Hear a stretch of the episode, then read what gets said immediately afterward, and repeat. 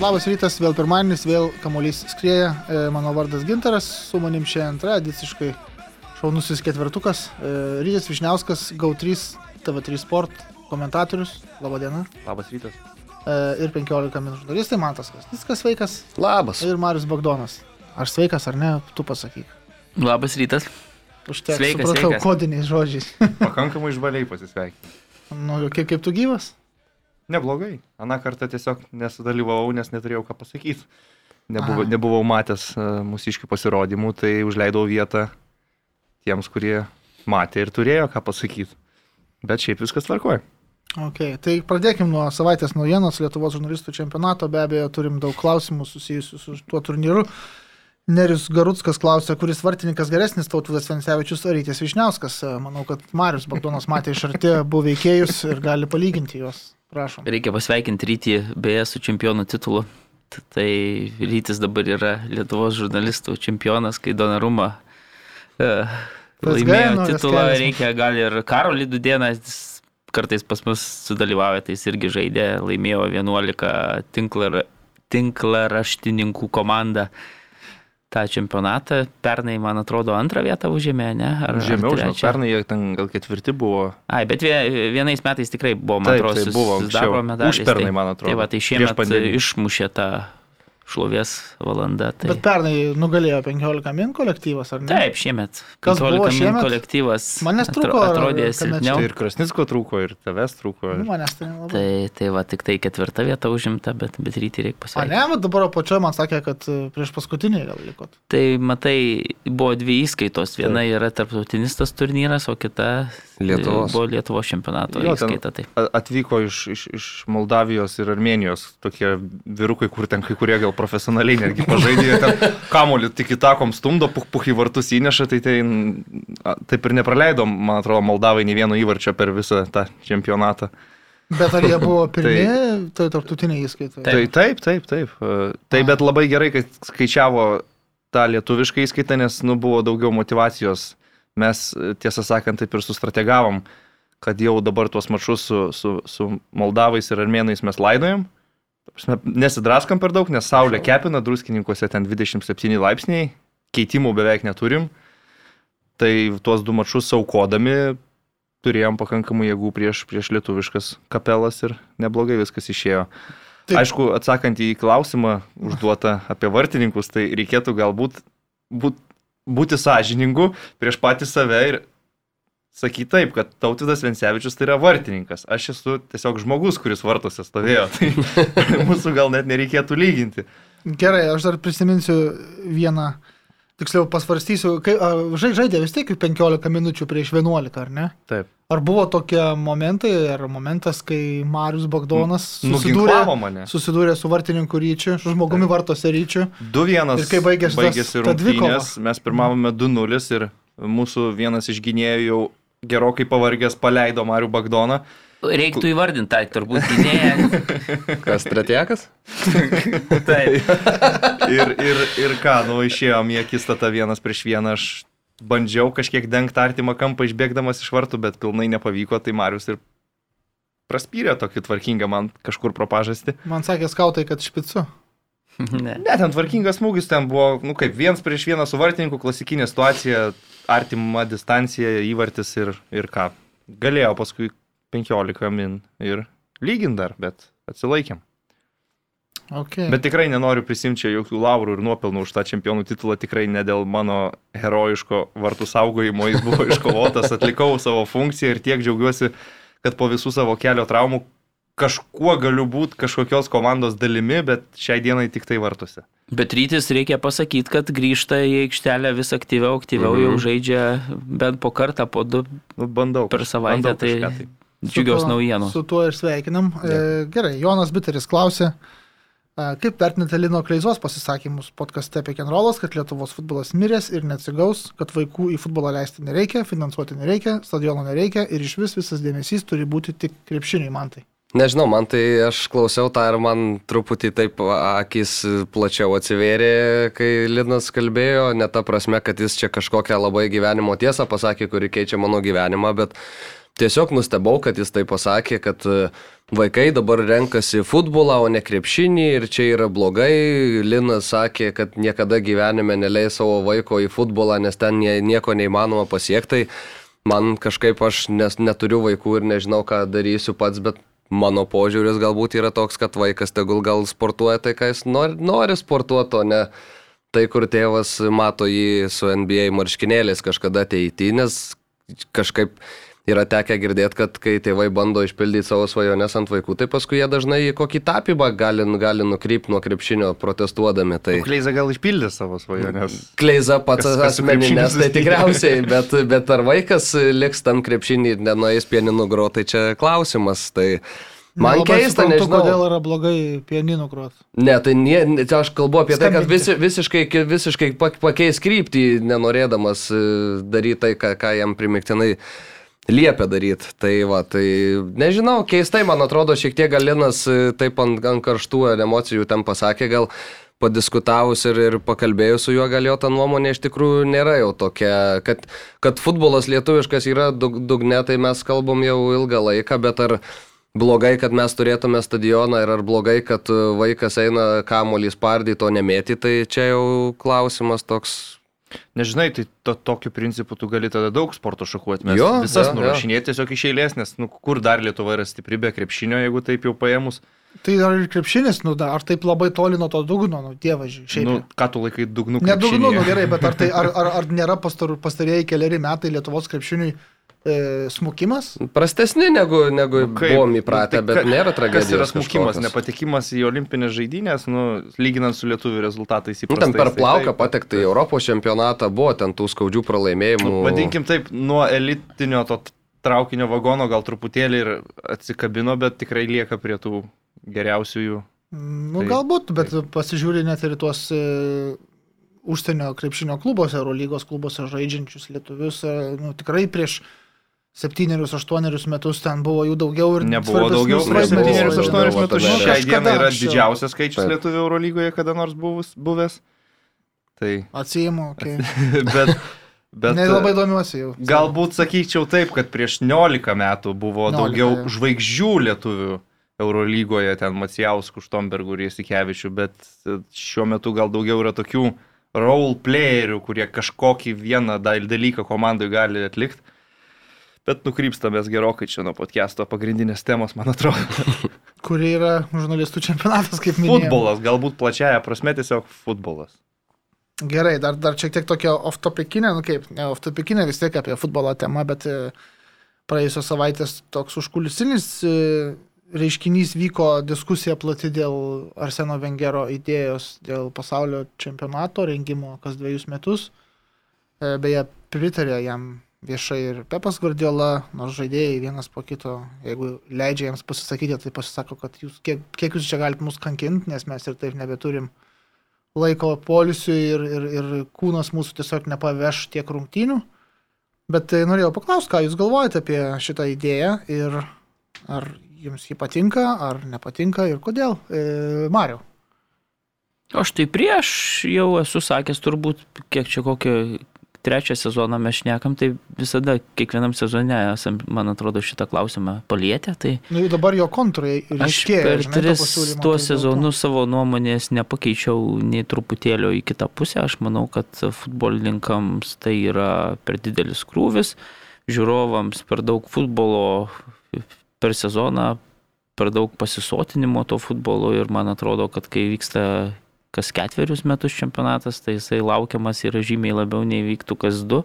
Prasidėtų praleidinėjimai visokių poilsio e, norėjimai futbolininkų ir tada man atrodo, kad na, prestižas to turnyro stipriai kristų.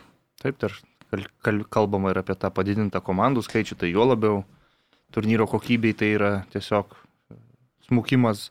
Aš net replikuočiau į tą argumentą Arseno Vengero, kai jisai sako, kad žaidėjas per savo karjerą turi per mažai šansų laimėti pasaulio taurę, per mažai galimybių, tai aš kaip tik iš kitos pusės žiūrėčiau, kad tai ir padaro pasaulio taurę ypatingą ir šitą trofėjų tokių legendinių, kad futbolininkas per karjerą turi, na, tris, galbūt keturis šansus jį laimėti. Taip, faktas, kad kai kuriems žaidėjams nepasiseka, jeigu dėl traumos nuplaukė čempionatas, tai kito reikia laukti keturis metus, bet mes turim olimpinės žaidynės, kurios irgi vyksta kas keturis metus ir olimpinio čempiono statusas yra ypatingas ir tikrai yra tų skaudžių patirčių sportininkams, kurie dėl traumų praleidžia olimpinį vieną ciklą ir, ir tai jų karjerai smarkiai atsiliepia, bet, bet tame ir yra visa esmė šito, šito reikalo, kad kažkur turi būti viršūnių viršūnė, tas, nežinau, Everesto viršus, kur jau gali smėgti vėliavą, jeigu tu esi pasaulio čempionas, man atrodo, futbole tai ir yra ta viršūnė,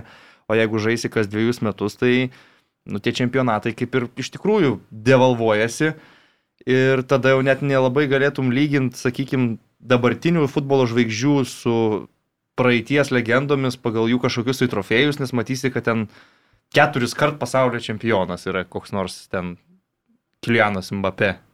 Nu ką, keturis kart pasako, kaip tai atrodo kontekste viso futbol, visos futbolo istorijos. Pelė dabar ir yra geriausias visų laikų futbolininkas dėl to, kad yra vienintelis laimėjęs tris pasaulio čempionų. Bet titulus. bus Tai- tokių, kurie po šešis kart laimėjo ir viskas. Tai ir Čeferinas, e, UEFA prezidentas irgi kalbėdamas iš karto, kai šita idėja buvo pristatyta, pasakė, kad i- jis pats nepritarė jai, nes jo manimų kristų tiesiog čempionato prestižas, karytis ir kalba. Tai matom, kad ir tuose aukščiausiuose postuose irgi ten toli gražu ne, nėra jau visiško palaikymo šitai idėjai, kurią stumia Vengeras. UEFA FIFA nėra palaikymo, tai čia turbūt jau ir stebėtis Tai, jo, tai turbūt čia reikia atkreipdėmėsi į jau keliarius metus vykstančią UEFA ir FIFA prieš priešą. E, atsiminkime, FIFA idėja vis dar bandoma išvystyti pasaulio klubų čempionatą 24 klubų, kas yra tiesioginė konkurencija čempionų lygai, turbūt UEFA būtent turnyrui. Ir viskas galiausiai susiveda į pinigus, be abejo, UEFA turi daug pinigų, dėl to Euro- Europos klubai iš dalies ir dėl to, ta prasme, dominuoja pasaulio futbole. E, Bet vis dėlto aš noriu dar Vengero idėją nupasakoti, kaip jo manimų atrodytų tvarkaraštis metų ar ne futbolo. Tai kad būtų aiškiau ir klausytojams, žiūrovams ir galbūt patiems mums, tai trumpai. Taip, kas dviejus metus e, turėtų vykti pasaulio čempionatai, pasak Vengero. Konfederaciniai turnyrai, tai yra komnembolai, Europos čempionatai vyktų nelyginiais metais, tarkim, vat, e, kaip šiemet 2023, vat, ar, jo, tarkim, dabar būtų 23, 25, 7 ir panašiai. Galbūt kas ketverius metus, aš dabar jau nebežinau, kas būtų su UEFA turnyru. Tuomet, pasak Vengero, vėlgi, ta tvarka sumažintų per pusę e, kilometrų skaičių, kurį žaidėjams kiekvienais metais tektų nuskraidžioti. Kaip tai vyktų? E, Arsenas Vengeras įsivaizduoja, kad tai reikėtų vieno arba dviejų rinktinių langų per sezoną, tai būtų geriausia tik spalį, arba du, jeigu du kartus spalį ir kitų metų kovą. E, iš viso tos pertraukos truktų kartu sudėjus arba viena pertrauka ilga mėnesį laiko ir per tą mėnesį įvyktų kvalifikacija į tuos pa- pa- pagrindinius turnyrus. Du langai arba vienas langas, ar ne? Būtų grupės, e, kurias sudarytų keturios rinktinės, būtų playoffai ir daugiausiai septyni mačai vienai rinktiniai, ar ne?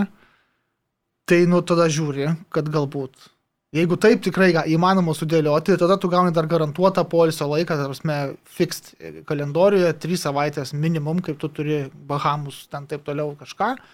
Tu galbūt gali tikrai pasilsėti po turnyro, dėl to, sakykime, kas dviejus metus vykstančio pasaulio čempionato. Ir, ir, ir tuomet, aš nežinau, man tai, man tai, pavyzdžiui, didelių problemų taip dėl to prestižo, bla bla bla, taip, ir tas FIFA, UEFA konkurencija, be abejo, bet galbūt žaidėjai, kurie galbūt prieštarauja, tai nu, gal pasižiūrėtų į tą pasiūlymą, į kalendorių, į dėliojimą jo ir suprastų galbūt, jeigu spalio mėnesį tau tik tai tai reiktų pakeliauti, nes dabar kas vyksta? Dabar rugsėjo mėnesį grįžo begalį žaidėjų su traumom ir mano palaikomam klube taip pat ir su visokiom izolacijom panašiai per pandemiją. Spalio mėnesį laukia dar vienas langas, lapkritį dar vienas langas, pavasarį vėl tas pats, kokie šeši ar penki gausius rinktinių langai? Ir to skraidžiojimo, ypač Pietų Amerika, Europa maršrutu ir atvirkščiai, nu labai daug. Nu, Bet žiūrėk, per daug. bet žiūrėk Dabar jau. atrankų langų sistemą galima tvarkyti ir neorganizuojant papildomų pasaulio čempionatų, o tiesiog prie to, ką turim dabar, Aš va tas būtų geriausias. Mes apie tai irgi kažkada esame diskutavę, kad ten gali būti ir netgi vasarą po klubinio sezono toks atrankos turnyras ar, ar kažkaip, vat, kad ir dir- Birželį, ane, paskirt pavyzdžiui, spalio mėnesį rinktinių futbolų jo klubinį sezoną tiesiog pabaigti vėliau. Daug tų visokių variantų yra, bet iš esmės, man atrodo, teisingiausiai pasisakė Jurginas Klopas, kuris teigia, kad jeigu taip iš sportinės pusės viską vertint, iš futbolininkų perspektyvos, tai šiuo metu mes esame situacijoje, kai reik- reikėtų ieškoti sprendimų, kaip sumažinti krūvius tiek ir rungtynių, tiek ir kelionių, o ne ieškoti galimybių renkti papildomus turnyrus, kurie dažniau vyktų, kur daugiau būtų dar futbolo. Tai ne į tą pusę truputį turbūt žiūrima, bet e, labiau ma matomai aišku yra pinigų, finansiniai interesai, o ne sportininkų gerbuvio. Bet taip, tas, ta atrankų sistema, kur tu vat, pasakėjai, jinai galėtų veikti. Bet nemanau, kad dėl, jo, nemanau, kad dėl jos reikia kas dviejus metus daryti čempionatus. Tai ir Tiesiog. šiaip, nu, pavyzdžiui, tu dabar gintarai įsivaizduok, tu esi futbolininkas, profesionalus futbolininkas, ne, tarkim, nu, va, tas pats tavo minėtas Kilianas MBP. Ar dabar tau taip ateitų, va, sakytų, klausimą tokį užduotų, sakytų, ar tu norėtum, kad kas dviejus metus pasaulio čempionatas vyktų? Futbolininko tokio rimto, kuris galėtų tuos, va, kaip ryti sako, susirinkti ten tris ar keturis čempionų titulus teoriškai per savo karjerą. Bet ar tai būnant futbolininku, va dabar sakytum, jo galėtų daryti kiekvienais metais, aš čia pradėčiau tos titulus rinkti. Man atrodo, kad jiem ir patiems futbolininkam yra, kai tas čempionatas yra kas ketverius metus, tai dalyvauti tokiam renginyje yra nu, žymiai didesnis ten ir prestižas, ir noras, ir, ir nusivylimas, jeigu jį nepatenki ten ar, ar dėl traumos praleidi. Tai, tai man Gerai, atrodo. Mario, okay, aš sutinku, bet aš tau kontrapalyginimą pateiksiu. Jeigu no. tau, pavyzdžiui, tu esi Kilianas Mbappé, nežinau, Džarkaifas gal labiau panašus, bet turi tau pateikia pasiūlymą, ar pasaulio čempionatas kas dviejus metus, ar pasaulio čempionatas kaip iki šiol kas ketverius, bet tada visokios konfederacijų taurės, nacijų lyga. Pat tie va visokie birzgalai, kurie man nepatinka, irgi lygiai taip pat manau kaip ir jums, nacijų taurė yra nereikalinga, Vengeras irgi siūlo ją numesti nuo šitų visų grafikų ir tada palikti va tokius, jeigu va būtent toks būtų pasirinkimas. Turbūt, kad tas, kad tas tų tarptautinių bendrai rungtinių skaičius yra per didelis. Arba tada, nu, čempionatuose šalyse tų turnyrų yra per daug, ten pradedant visokiam karbao taurėm ir taip toliau, tas labai išsi, išsi, išsitėse, ten tikrai futbolininkai yra nuvarginami. Kitas dalykas, kad man atrodo, jeigu... Uh, užmiršau, ką norėjau pasakyti. Nu, Tęsk. aš galiu pateikti pavyzdį iš kito mūsų jau minėto sporto. Tai yra krepšinis, kur irgi anksčiau buvo apskritai tokia sistema, kad kažkoks rinktinių turnyras vyksta kiekvieną vasarą. Tai yra Eurobasketai kas dviejus metus, pasaulio čempionatai kas ketverius ir olimpinės dar kas ketverius. Tai susidaro situacija, kai Kasmet. visada kasmet yra bent vienas turnyras. Ir tiesiog tada tie krepšininkai rinkdavosi prioritetus, kad važiuoja į tą Europos čempionatą, kuris yra prieš olimpinės žaidynės, tam, kad pakovotų dėl patekimo į olimpinės, skipina Europos čempionatą prieš pasaulio čempionatą ir pasaulio čempionate apskritai iš Europos rinktinių, tarkim, žaisdavo, nu, antromis ten sudėtimis, ten 2006 Reika vežasi ten paauglį Mantą Kalnietį, kuris dar net nespėjo apsišaudyti vy- vyrų krepšinėje.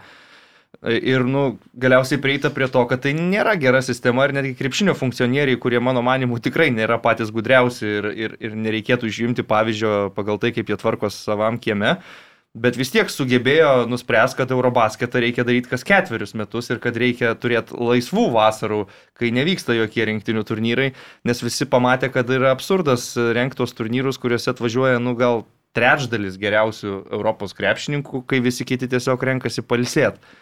Tai manau, kad futbolas irgi galėtų susidurti su panašiomis situacijomis. Tai futbolė yra griežtesnės taisyklės dėl žaidimo rinktinėje, bet aš Pamatėme, nebejoju. cirką pavirto va čia Tai- šį rugsėjį. Aš nebejoju, kad jeigu pasaulio čempionatai vyktų kas dviejus metus, atsirastų atletų, kurie ten susiveiktų savo fiktyvės traumas kažkokias ir skristų ramiai į Mykonos kažkur ten ilsėtis, nes sakytų, taip, šitas skipinu, po to dar tris sužaisiu, koks skirtumas.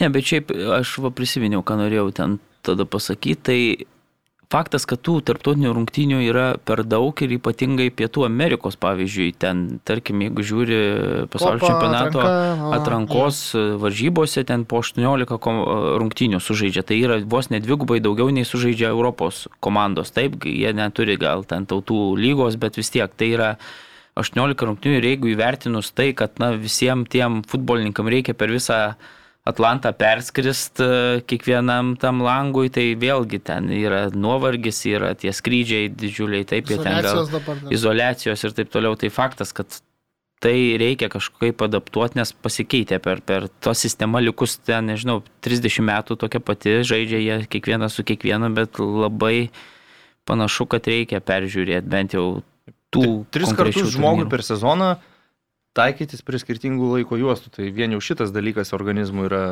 be galo varginantis, mano manimu, o šiaip komebolas tai apskritai ten chaotiškiausia turbūt organizacija. e, Vis, Ten visame niekada pa- nežinai, ką visame gausi. pasaulyje. Niekada nežinai, rungtynės besibaigs. Čia jau nekalbant apie tą, kur jūs jau pradiskutavot Brazilų ir Argentinos mačą, bet man vien jau jų Kopa Amerikos tas organizavimas, kur būna susigalvoja kažkokia centenarijo Kopa Amerika reikia sužaisti, tada kitą vasarą vėl sužaisti, tada vieną vasarą nežaisti, tada kitą vėl, dar vieną Kopa Amerika ten. Bala žino, kiek ir kada turi vykti Kopa Amerika ir dar galiausiai jie ten dėl formato turi pasikviesti Katarą, Japoniją, kad jiems papildytų turnyrą. Ten, nu, man, ten, prasme, futbolininkų lygis ten yra gana įspūdingas, jeigu paimsim tas elitinės keturias, sakykime, rinktinės. Bet organizaciniais klausimais tai ten yra kažkokie, nu, net, nežinau, ne viduramžiai, tai kažkokie laukiniai visiškai laikai, kur absoliučiai nėra jokios normalios kontrolės ir struktūros. Nu, gerai, žiūrėsim, kaip pasibaigs. E, esmė, kad e, jeigu net UEFA prieš ir, ir Pietų Amerika prieš yra visokio Seišelių ir panašių futbolo federacijų pasaulyje, kurios, taip žiūrint tiesiog kiekį balsų, tai jos nusvers e, Europą ir Pietų Ameriką. Čia kaip ir balondų. Jeigu nebus, jeigu nebus išlovio, panašiai, jeigu nebus išlobinta galų gale, kad kažkoks bus kompromisas, bet tas labai tik, tikiuosi asmeniškai, kad tas kompromisas reikštų, kad lieka viskas kaip yra, galbūt nuimama tautų, tautų lyga ir paliekamos vienas arba du langai, kurie vat, įvyksta va, spalį arba kovą arba tik spalį mėnesį, mėnesį laiko, palik taip kaip yra ir padaryk mažiau kelionių žm- žmonėms, e, treneriams, žaidėjams per laiko juostas, per visą kitą. Tada galbūt aš visai neliūdėčiau dėl va, tokio sutvarkymo, bet žiūrėsim, kaip jis mažėja, nes tie dolerio ženklai visiems sakysia mirga turbūt. Pirmą gintarą sulaukime to istorinio pasaulio čempionato, kuris bus žaidžiamas žiemą, gruodžio mėnesį, pasidžiaugsim iš pradžių šiuo. baisaus, nu, šiuo FIFA? FIFA vaisiumi. Nesidžiaugiu. Ne, tai baisaus tai nebus, bet, bet nu, tai jau yra kažkokia nu, Anomalija. Nesąmonė. taip. Nu, tai va, tai jeigu dabar jau yra anomalija, tai kuo anomališkesnis yra Vengero pasiūlymas, tiesą sakant, šiaip jau. Ne, tai jeigu jau varom ir, ir kraipom, bet kaip, tai jau iki galo. Tai iki galo jo. Gerai, grįžtame prie lietuviškų reikalų. Prasidėjo vakar pasaulio salės futbolo čempionatas, futsalo čempionatas Lietuvoje. Lietuva e, turnyrą pralai- pradėjo pralaimėjimu. E, Marius, mačiau, rašė nemažai tekstų, arba bent jau kelis, tai tikrai tekstus apie šį turnyrą, apie organizavimą ir, ir panašiai. E, kas, kas gero, Mariu, arba kas blogo, galbūt paklausiu. Man tas tai net buvo rungtynėse, tai gal galės taip iš, iš, iš vidaus papasakot. Aš irgi planavau, bet tiek buvau pavargęs po to turnyro, kad galiausiai pasirinkau visgi kelionę į Vilnių ir, ir, ir pažiūrėjau per televiziją. Tai mane nustebino šiaip lietuviai pakankamai neblogų žaidimų. Aš kažkaip galvojau, kad e, visgi būsim outsideriai šios grupės gan ryškus, nors į kitą etapą įmanoma išeiti iš, ir iš trečios pozicijos e, grupėje. Bet e, šios rungtynės su Venezuela buvo toks, man atrodo, mačas dėl tos antros, e, antro garantuoto kelialapio į atkrintamasias. Ir apmaudu, kad net taško nepaėmėm, kas irgi būtų, jeigu, sakykime, laimėm kitas rungtynės prieš Kostariką, tai tada su keturiais taškais, man atrodo, labai tikėtina, kad e, kaip ta trečioji komanda galima būtų patekti. Tai visas rungtynės įvertinus, taip, Venezuela žaidė na, tikrai geriau, ilgiau kontroliavo kamuolį ir taip toliau, bet tos kontratakos lietuvių buvo tikrai geros, po vienos iš jų įmuštas labai gražus įvartis ir apmaudu šiek tiek, kad taip tikrai komanda tvarkingai besigynus visas rungtynės praleido jau tik tai pačioje pabaigoje. Tai vad tas truputėlį nuvilia, nesakau, tas taškas būtų, gali būti, kad e, labai svarbus žvelgiant į, į tolimesnę perspektyvą.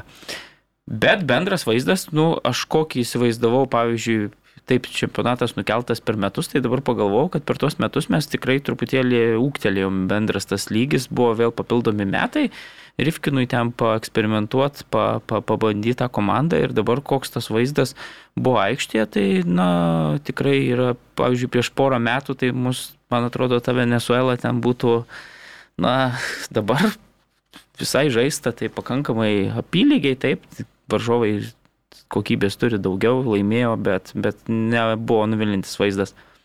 Mhm. O organizacija pati? Tai čia man tas gal gali daugiau, jau jis buvo net Bet nuvažiavęs. tekstą į- tai tu parašai, parašai. Ai, bet norėjau paklausti, tavęs pavadinai savo viename tekste e, šitą čempionatą didžiausių sporto renginių Lietuvos istorijoje.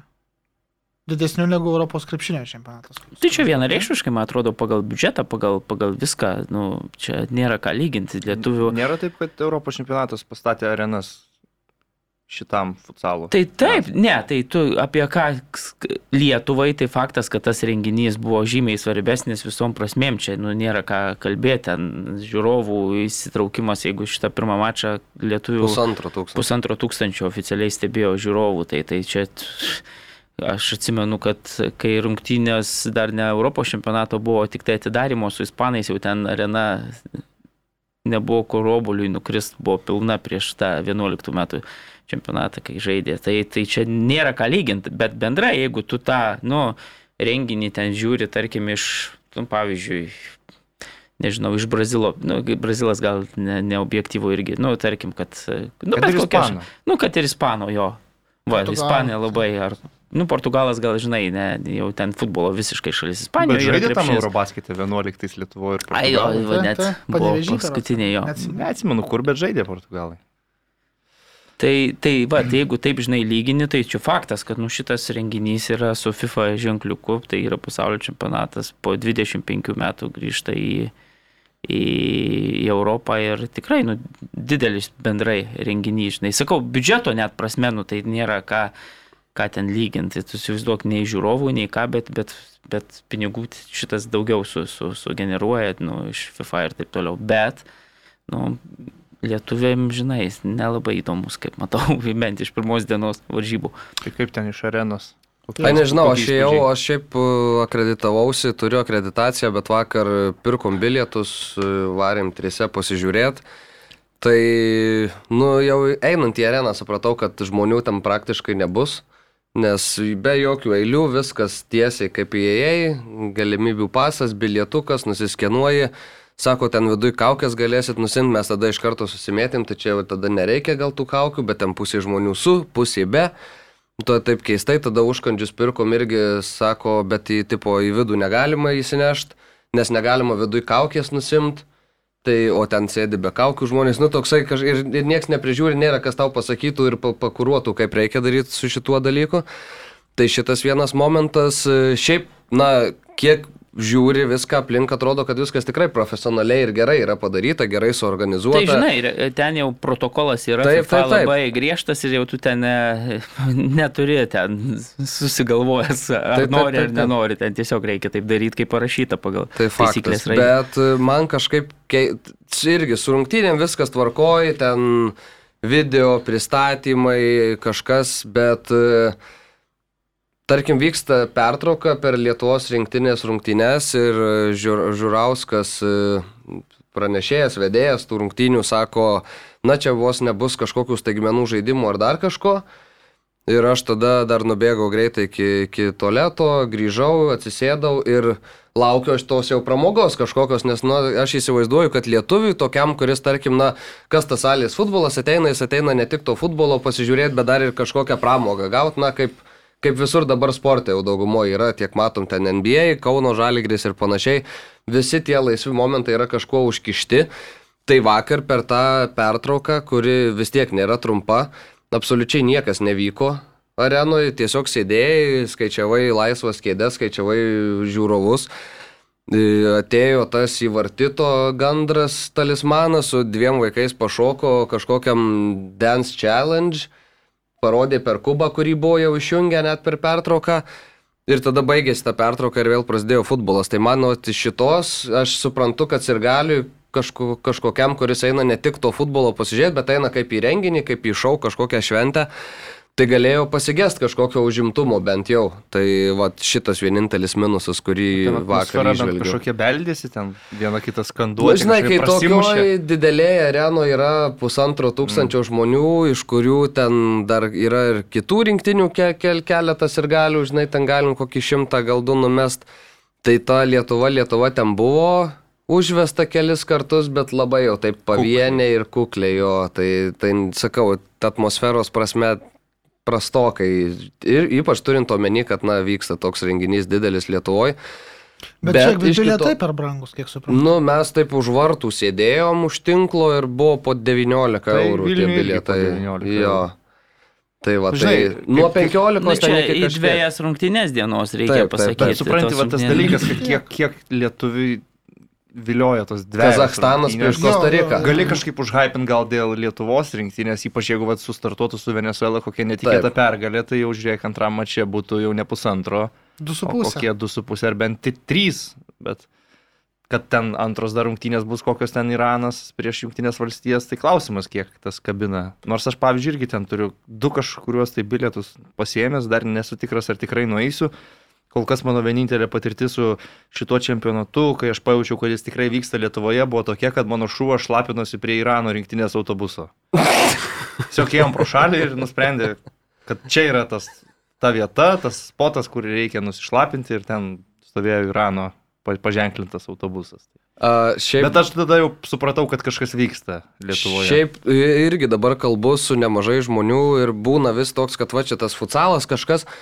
Daug žmonių nežino, net ir tie, kuriems sportas nėra kažkoks labai svetimas dalykas, na, nežino, kad vyks, nežino, kada prasideda, nežino, kur Lietuva žaidžia, kuriam mieste, na, tokių dalykų, kur iš komunikacinės pusės atrodo, kad ne viskas iki galo yra padaryta, kad, kad tas bent jau kažkiek sportui prijaučiantis žmogus, kad jį pasiektų visa reikiama informacija. Aš nežinau, kiek buvo tam skirta dėmesio, kiek buvo orientuotas į tai, bet man atrodo, kad, na, šiek tiek per mažas tas buvo ta, ta, ta sklaida apie šitą čempionatą. Bet čia matai, vėl jeigu lygini ten su kokiu krepšiniu, tai pačių sirgalių yra Tai tai, fa- intencija tai domėtis ten tada, faktas. nu kitaip, žinai, yra čia tu viską. Čia tu turi pa, absoliučiai- pasiekti tą žmogų iš Jo, esmės. tai Jisai yra- pats neteis pas tave. Tai yra vėl, žinant visus ten, nu, važi... tai čia gerai, dar čia iš vis naujas dalykas, nu gerai, pasaulio čempionatas ir taip toliau, bet tu pažiūrėk, kaip tas žiūrovas yra pasiekiamas į Lietuvos futbolo rinktinę, lošia, nu, nežinau, arba tas pats Žalgeris žaidė dabar paskutinėme etape dėl patekimo į Europos. Į žinai, nerodo niekur grupes. per televizorių vienų, vienerių rungtynių, kai žaidžia iš dviejų. Tada sirgaliai tokie pikti, vyksta laukia, čia šiltai arenui gali prisės su, su kepta duona, nu tai... Gali, bet. Bet matai, nu, man atrodo, kad pasiekta ypatingai šiais laikais, kai tų pramogų čia yra tiek daug, tai vis sudėtingiau darosi. Ta, Tai ta, ta taip, aš žiūrovą dėl šito nesiginčiu, faktas. Ir ir čia tikrai, kad jeigu ten sakyt, žinai, kiek buvo žiniasklaidoje, kai čia kažkas mačiau rašoma, mes nematom, kad šitas pasaulio čempionatas yra ir kiek buvo jo žiniasklaidoje.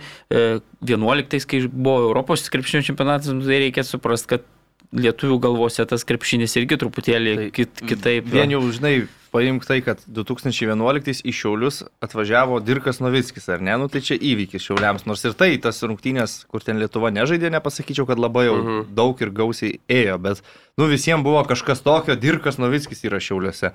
Nu dabar tam žmogui pasakyk, kad pas tave atvažiavo, kas ten šiuo metu geriausias yra.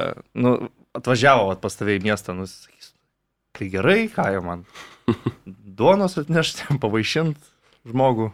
Nu, Jo, gerai, kad man atrodo, dar svarbu, kad krepšinis, pavyzdžiui, vis tiek e, tas žiūrovas ant tradicijos ateis. Jisai Lietuvoje yra krepšinio žiūrėjimo Taip, tradicija. taip, tai čia, nu. Futsalo žiūrėjimo gyvai ir net negyvai tradicijos. Kiek nėra. matė, Plius- esam plius per, per visus sudėję futsalo mačų gyvai, šito, čia va prie šito stalų sėdi. Nu, tikrai nedaug. daug mat. Labai Nu, mažai. ba Marius va gal daugiau Bet matė. Žiūrėk, čia kitas dar niu- niuansas, kad kai yra krepšinis, tie žiūrovai eina su lūkesčiu, kad Lietuva, nu jeigu ne dėl aukso, tai bendrai paėmus dėl medalių kovoja, ar ne?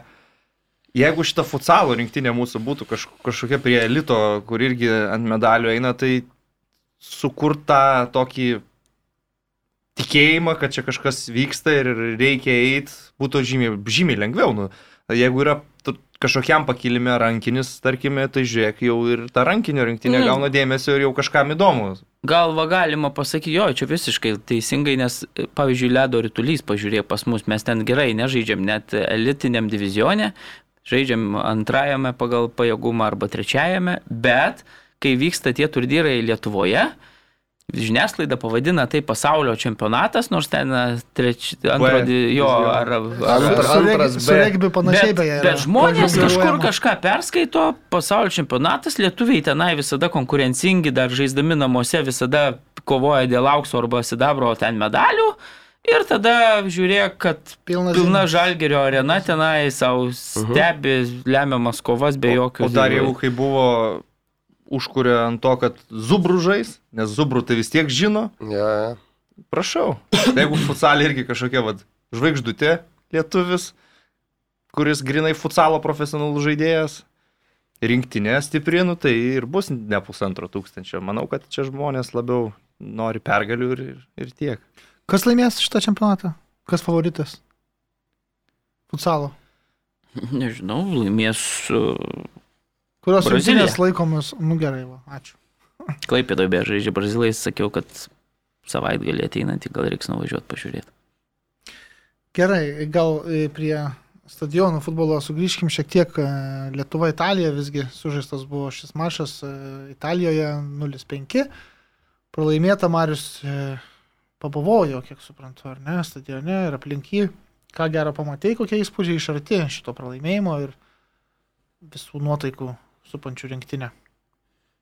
Kestas Rimkus prieš, e, kaip ten, likus keliom dienom iki rungtynių, sako, nu tai Bagdonas važiuos 0-6 pažiūrėti to pralaimėjimo, sėdžiu tam stadione, pradėjo tos muštyvarčius, kai jau po ten 30 kelių minučių jau rezultatas 0-4, oi galvoju, čia jau bus vaizdu, bet, bet po to kažkaip jau matyti talam irgi truputėlį viskas paprasčiau darėsi. Tai, bet šiaip galvojau, kad jeigu, pavyzdžiui, tai būtų čempionato, nu, atrankos varžybų pabaiga ir tenai jiems reiktų, nežinau, 10 įvarčių įmušt prieš, tai jie manau, kad motivuoti įmuštų ir 10, jeigu jiem labai reikėtų. dar ir sudėti visiš- stipresnį. Visiškai taip, taip, taip, dabar ten, sakykime, tokia nu, pusantros Pusantrinė, tokia, pusantrinė sudėtis jo. Tai manau, kad tada iš vis tas spaudimas galėtų būti visas 90 minučių ten ir, ir, ir tu ten kalbi vėl apie, apie trečias e, rungtynes per tą savaitę, bet tu matai, kad tas ten serijoje A lakstantis, nu jis jėgų turi tuos pačius pusantro karto daugiau išsaugojęs tom trečiom rungtynėm nei, nei lietuvis ten. Tai nu, visiškai, ką žinau, man atrodo, kad lietuviams ne šios rungtynės buvo esminės ši- šiame trijų rungtynių, šioje trijų rungtynių atkarpoje, man atrodo, tie buvo mačai žymiai svarbesni.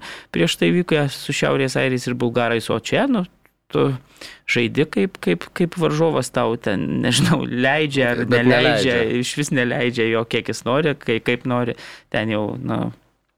Tai va, tai ir tos nuotaikos tokios, man atrodo, kad, nu, visi ten supranta, kokia yra realybė, kad, kad šiek tiek apmaudu iš tikrųjų yra tai, kad, nu, dar Vilniui kažkaip, ar ten tie patys italai buvo e, mažiau motivuoti, ar ten kažkaip... Dirbtinė danga gal truputį. Gal kažkiek pa- pasisaugodami, bet dar kažkoks buvo žaidimas, dar ir pirmą kelnį Ir atsilaikė. progų buvo. ir, ir progų darbo. Čia absoliučiai viskas vienoje aikštės pusėje, greitai tie kamoliai perimami, vėl ten atakuojama tais kraštais. Nu, ten nesunkės, mas, mas, smagi šventė italam, žinai, jie ten savo.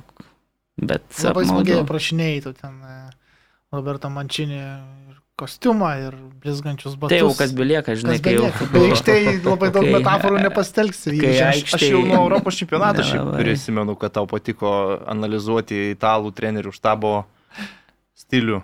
Ne, tą tai specialiai parašiau, nes Darius Mataitis po kažkurio straipsnio sakė, kad, kad per mažai kažkaip, kai Apie Italijoje kostiumus. apie kostiumus ir madas, mm. tai Mhm. galvoju, tai reikia specialiai pa, palepint ištikimą skaitytoją ir, ir parašiau specialiai tą pastraipą.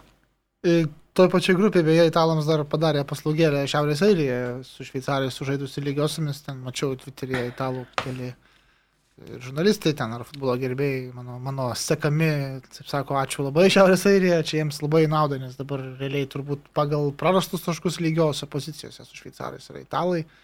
ir įvykių, įvarčių santykiai be abejo pasigerino praėjusią savaitę. Kas dar įstrigo iš atrankos mačų trumpai? Tai dar gal noriu pasilikti prie Italijos reikalų, šiek tiek ir prie Lietuvos rinktinės, tai dar negaliu labai kažko teikti, bet tokios, tokie, nežinau, atgarsiai sklinda iš šitos naujosios Lietuvos rinktinės ir naujojo trenerių štabo, kad, na, šiek tiek bardakėlio yra ir, ir ne viskas labai sklandu ir ne viskas labai gerai su Valdu Ivanausko darbu. Sakau, čia dar tik tai tokie atgarsiai reikės šiek tiek giliau tai iš kur čia eina šitas nepasitenkinimas? Nu tai iš vidaus tikriausiai. iš jeigu žaidėjų ar iš vadovybės? Nu, pa, pa, kitą, kitą kartą pabandysiu plačiau jau daugiau informacijos susirinkęs ir kiek plačiau papasakot. Gal čia Valdas Vanauskas nepatenkintas savo darbu?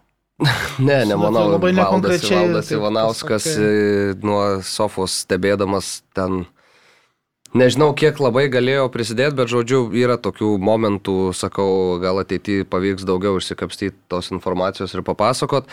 Dar vienas dalykas, tai Tomo Danilevičiaus interviu italų žiniasklaidai, man atrodo, kad Lietuvos futbolo federacijos prezidentui nevertėtų kalbėti, kad mes nesam jum varžovas ir jums bus lengvas pasivaikščiojimas, kad mes neturim žaidėjų maždaug, kil, kurie gali pakilti nuo suolo ir panašiai. Tai yra, na, labai prastas žingsnis, nežinau, gal Tomui labai atsipalaidavusiam, kokiam geros nuotaikos paskambino italai, jis prisiminė ten savo senus laikus ir, ir, ir taip pašnekėjo ant tos kažkokios džiaugsmingos emocijos, bet na, Sakė, reikėtų... spaudai, bet tas spaudai Bet tas surašė. spaudai surašė, nu, jo, bet nereikėtų taip daryti ir buvo šiek tiek juokinga žiūrėti prieš futsalo čempionato pradžią, kai Lietuvos futbolas Facebook'e papostina video, kur susėdė visi rinktinės žaidėjai ir tada Tomas Danilevičius rimtų veidų pasakoja, jūs esat geriausi, nes jūs esat Lietuvos rinktinėje, čia pasaulio čempionatas, tokia motivuojanti kalba, atrodo lyg taisant tą savo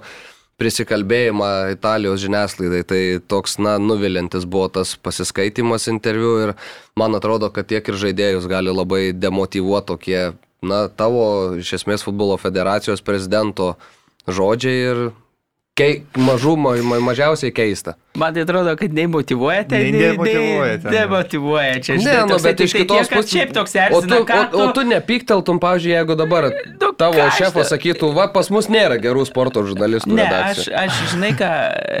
Nu, rimtai, ne, nu, toks- erzintų, aš nu, sutinku, kad, suerzintų, kad nu, ta prasme, toks, žinai, perteklinis čia yra dalykas, kur dabar, remba, dar tas čia kažką nusišneka, va, tokia reakcija Jo, būtų, žinai, ne tai, kad, nu, jis, ta prasme, jis ten gal ir realybę pasakė ir viskas ten teisingai taip, bet yra ir taip toliau, bet taip jo, bet erzinant, nu, Kam tu dar čia šneki, ką tu čia žinai, nu toks, čia būtų žinok- gerai, keiksmažodį tokį dar. Aha. Mm, žinai, nu. Man tai nemažiau, to ne- reikia? nemažiau sunku yra suprasti Valdo Ivanausko jau antrą kartą kartojamas mintis apie Vilnių Žalgirį ir Saulių Mikoliūną. Aha. Man, man tai čia yra didysis nusi, nusikalbėjimas, kur rinktinės treneris vos nenurodinėja klubui, kaip jiem reikia tvarkytis ir kuriuos žaidėjus leisti į aikštę ir kada leisti ir kurios rungtynės ten klubui turi būti svarbios, kurios turi būti nesvarbios ir kad klubas turi rinktinės interesų paisyti. Tai va čia man yra absoliutus uh, skraidimas kosmose padebesiais kažkur tai, nes Žalgiris leidžia Saulių Mikoliūną aikštę tada, kada Žalgiriui reikia Sauliaus Mikoliūno.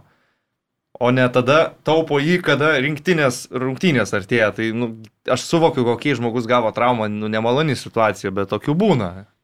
Nesvarbu, kad 37 metai, jeigu jis yra svarbiausias vienas iš kertinių žaidėjų klube, tai nu, jis turi žaisti, kai komandai reikia taškų.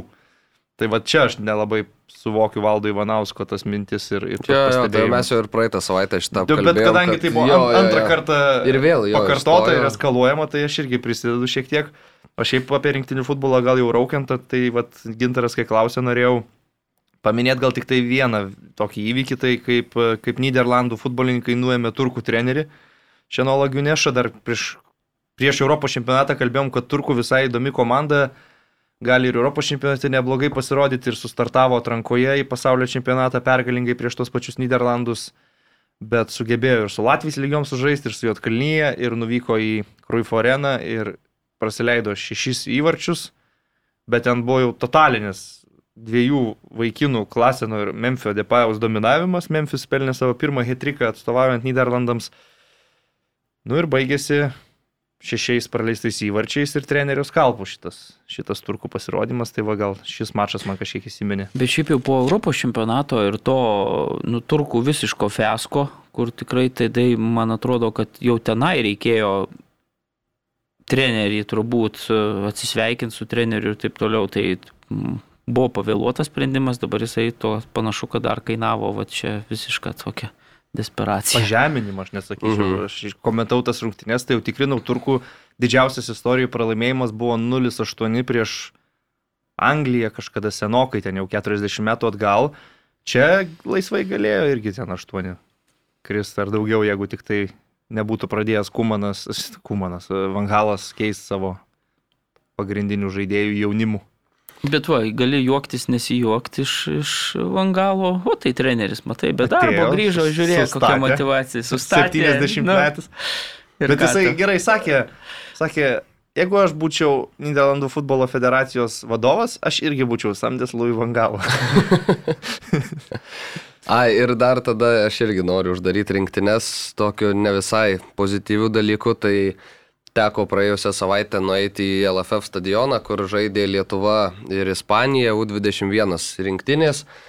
Tai mes šansų absoliučiai jokių neturim vėl kaip ir vyrai prieš italus, taip jaunimas prieš ispanus, galutinis rezultatas 0-2, bet tikrai neatspindi to vaizdo, kuris buvo aikštėje. Toks įdomus dalykas buvo, kad praktiškai visas rungtynes Marijos Tankievičiaus vadovaujamo komanda bandė įžeidinėti kamuolį nuo savo vartų trumpais perdavimais, kas, na, mums niekaip dar nėra pasiekiama žaidžiant prieš tokio lygio komandą. Vartininkas dažnai deginamas, turėdamas kamuolį, perdavimai tada jau paskui iš desperacijos kažkur į to, toli arba į užrybį. Vienintelis toks blikstelėjimas buvo jau tik pačioje rungtynių pabaigoje, kai Gustas Jarusevičius pataikė į virpstą. E, ispanų ir galių buvo daugiau nei lietuvių LFF stadione, ten skambėjo ispaniškos dainos, tokie aktyvūs, faini buvo ir gavo paskui marškinėlių jau jaunimo Erasmusas. buvo Erasmuso studentai susirinkę ir, na, tikrai labai labai slogus vaizdas buvo, kai kamulio neturi, bet kai jį gauni, tada jį iš karto merki į užrybį arba kažkoks netikslus perdavimas, pavėluoti sprendimai. Labai tikrai blankios Treneris rungtynės. tau ir pasakė, kad mums reikia mokytis kamulio stabdymo ir kamulio perdavimo. Taip, tai šitas, šitas faktas yra ir labai tikrai liūdnas vaizdas buvo. Ir išeinant iš e, jau LFF stadiono, susit... atėjo toks jaunas vyras su, su stovu kameros, dar su kažkuo ten žodžiu per petį persimetęs ir sako, ar žinot, kaip į apačią nueit? Nu ir mes sakom, tai o tai kam, kam į apačią, sako, tai aš analitikas rinktinės esu. Tai analitikas rinktinės nežinojo, kaip nueiti iki komandos rūbinės LFF stadiono raizgalynėse. Tai toks, mes paskui juokėmės dar su kolegom iš įvarčio laidos, kad labai gera iliustracija po to pasirodymo aikštėje. Toks e, vyšne ant torto buvo šitas, šitas pasiklydęs analitikas, nežinantis kelio iki rūbinės. Mm, ok, Višniauskai, ryti keliaujam prie tavo mėgstamos lygos, galbūt šiek tiek ar ne grįžo irgi po rungtynių pertraukos. E, Penkeri, penkerios rungtynės, e, turbūt centrinis mačas vyko Kaune, ar ne? Kauno Žalgiris 0-2 pralaimėjo Vilniaus Žalgiriui. Atrodo, kad tai septintasis Vilniaus Žalgiriečių laimėjimas prieš Kauno Žalgiriečius išvykoje šeilės. Bet e, galbūt įspūdžius apie šitas rungtynės vis tiek Žalgiris panašu, kad tvirtina savo pozicijas bent jau pagal prarastus taškus, o ne iškovotus, nes žaidęs mažiau mačų e, turnyro lentelės viršuje. Na, man atrodo, kad tiesiog Kauno Žalgiris pastaruoju metu jau ilgą gana laiką tiesiog e, žaidžia blogiau negu turėtų žaisti šitą komandą, kur to priežastys yra. Mm, sunku pasakyti, galbūt Gratos irgi do trauma iš tikrųjų buvo tas lūžio momentas, kai, pritrū, kai dabar akivaizdžiai trūksta tos kūrybos aikštėje, bet na, per tiek laiko gal ir galima rasti kažkokį, kažkokį pakaitalą jam. Uh, pats tų rungtynių gyvai nemačiau, rinkausi kaip tik ką žiūrėti Kaune ar futsalą, ar, ar Kauno Žalgeris, Vilniaus Žalgeris, kas šiaip ab, šiek tiek keista, nes, na, norėt, būtų faina nueiti ir į vieną, ir į kitą, bet, na, tvarkaraščiai pas mus žinom, kad ne visada groja tinkama muzika, tai, tai buvo taip ir čia, tai tos rungtynės šitą santrauką pasižiūrėjau, tai šešplaukis dar ir raudoną kortelę pasėmė, esant rezultatui 0-1. Tadičius išvedė į priekį Vilniaus žalgerį tokiu tolimu gražiu smūgiu ir paskui... Videmon. Oi, atsiprašau, Videmonas, o Tadičius paskui jau užtvirtino pergalę rungtynių pabaigoje, tai na, nie, niekas nesikeičia. Žalgeris Vilniaus toliau žygiuoja užtikrintai, nors dar kalbėjom, kaip čia jiem bus po to europinio žygio, ne visai susikloščiusio, ar komanda morališkai ne, nesugrius, bet panašu, kad, kad viskas yra bent jau kol kas tvarkoj. Suduva už tai vos, vos ne. Suduva turėjo labai Ne- labai Prieš daug. ryčio mėgstamą komandą. Telšia džiugus. Žemaitijos sostinės klubą. Tau jau dabar žemaičiai parašys po šito. Turbūt netaip ištariau. Aha. Nesvarbu. Tai irgi tas rungtynės taip vieną akim tik tai stebėjau, tai buvo reikalų labai daug sūduvo ir pasisekė, galima sakyti, kad, kad išsitraukė tuos tris taškelius rungtynių pabaigoje. Tai va.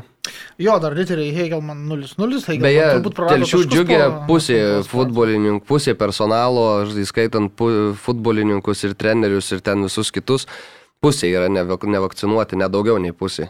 Čia mums vienas klubo atstovas, nežinau ar sąmoningai ar ne visą sąrašą su vardais pavardėm ir vakcinuotas, nevakcinuotas susintė, suskaičiavom daugiau nei pusė be vakcinų, tai gėda telšiam dėl šito. Ir tu sulauksi, man atrodo, žinai, iš žemaičių. E, Taip, kaip sakiau, riteriai Hegelman 0-0. E, Tiesą sakant, turbūt po netrumpos pertraukos Hegelman prarado taškus apskritai, ar ne? Ar aš gal kažką maišau, nes vis buvo pergalės ir pergalės. Buvo ir prieš tai praradę. Buvo, buvo. Na gerai. Tai nevėžys panevežys 1-3, Dainava banga 3. Vienas, E, neturiu lentelės po ranka, galbūt Marius turi, bet man panašu, kad... e, Keturiais taškais pirmauja suvalkiečiai prieš Vilniaus žalgerį turnyro lentelės viršuje ir Vilniaus žalgeris žaidęs trimis rungtynėmis mažiau. Tai Okay. O Hegelman artėja dar labiau prie Kauno Žalgirio, ar ne? Na, bet ten dar irgi du toks. taškai ir Irgi trejas. dviem rungtynėm Ai, daugiau sužaidė už kitą Nu, tai Kauno komandą. Įdomu. Jo, vis tiek įdomu. Ah, ryti.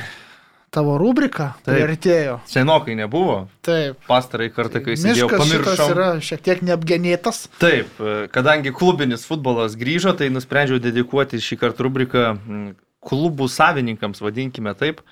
E, Ne visai tai, ką tu įsivaizduoji. E, Pavyzdžiui, atradau, kad Vokietijos Bundeslygoje Dortmundo Borusijos klube yra žmogus, kuriam priklauso būtent mūsų minėtas Žemaitijos e, futbolo klubas A lygoje, tai yra Telšių džiugas Belingiamas. Taip pat e, NBA franšizė yra įsigijęs vienas iš Turkijos rinktinės futbolininkų šiuo metu žaidžiantis Marselėje, tai yra Džengizas Oklahoma City Tunderas. Ir pabaigai, čia jau truputėlį kriminalistikos galbūt, e, visi mes gal mėgstam šią komandą dėl demonstruojamo žaidimo stilius, bet pasirodo, kad jos savininkas yra metamfetamino magnatas ir tai yra Heisenbergamo talanta. Čia jeigu matėt, Taip, tai taip, Breaking taip, Bad, taip, taip. Tai va, tokia. Nu taip neblogai analizę. Puokštę tokią parašai. Ok, gerai. E, negaiškim daug laiko. Anglija. Čia sugaišau labai daug, atsiprašau. Ne, ne, šitą.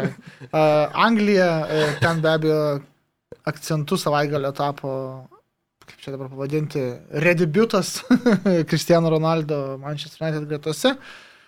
E, Vilius Volotkevičius klausė, e, Mariau, tau užduosiu šį klausimą. Kadangi Ronaldo yra gaut, tai kiek čempionų lygų šiemet laimės Manchester United? Jis aišku ironiškai klausė. Nes yra, kiek žinau, atsiprašau, kontekstui jis yra Turino Juventus didelis gerbėjas ir labai džiaugiasi, kad Ronaldo nebeliko komandoje. Ir džiaugiasi taip pat vienu tašku seriją po trijų turų, taip. Tai tegul džiaugiasi, o Manchesteris džiaugiasi turėdamas Ronaldą ir, ir jau iki tų tavo 15 nustatytų įvarčių dar penki mačiukai ir jau Jeigu su galėsi- Newcastle dar penkis žais, tai, Taip, va, va, norėjau ir pridurti. galėsi- tai easy. Newcastle'as, Tai va, koks Watfordas, tai prašau. Per šešias artimiausias rungtynės turbūt ir bus pasiekęs Nebus. tavo nubriežtą tą Nu, liniją. su Bernu Young Boys, dabar ant sintetikos dar. Aš tik tai du. sakiau Premier lygoje apie 15. Ai. Premier lygo Su 15. jaunais berniukais aš tikiu, kad pasismatė. Tai va, nuostabus debutas man patiko iš e, tipiški tokie įvartukai, kur, kur reikia būti laiku ir vietoj, kur reikia užbaigti su tuo klinišku nu, užbaigimu.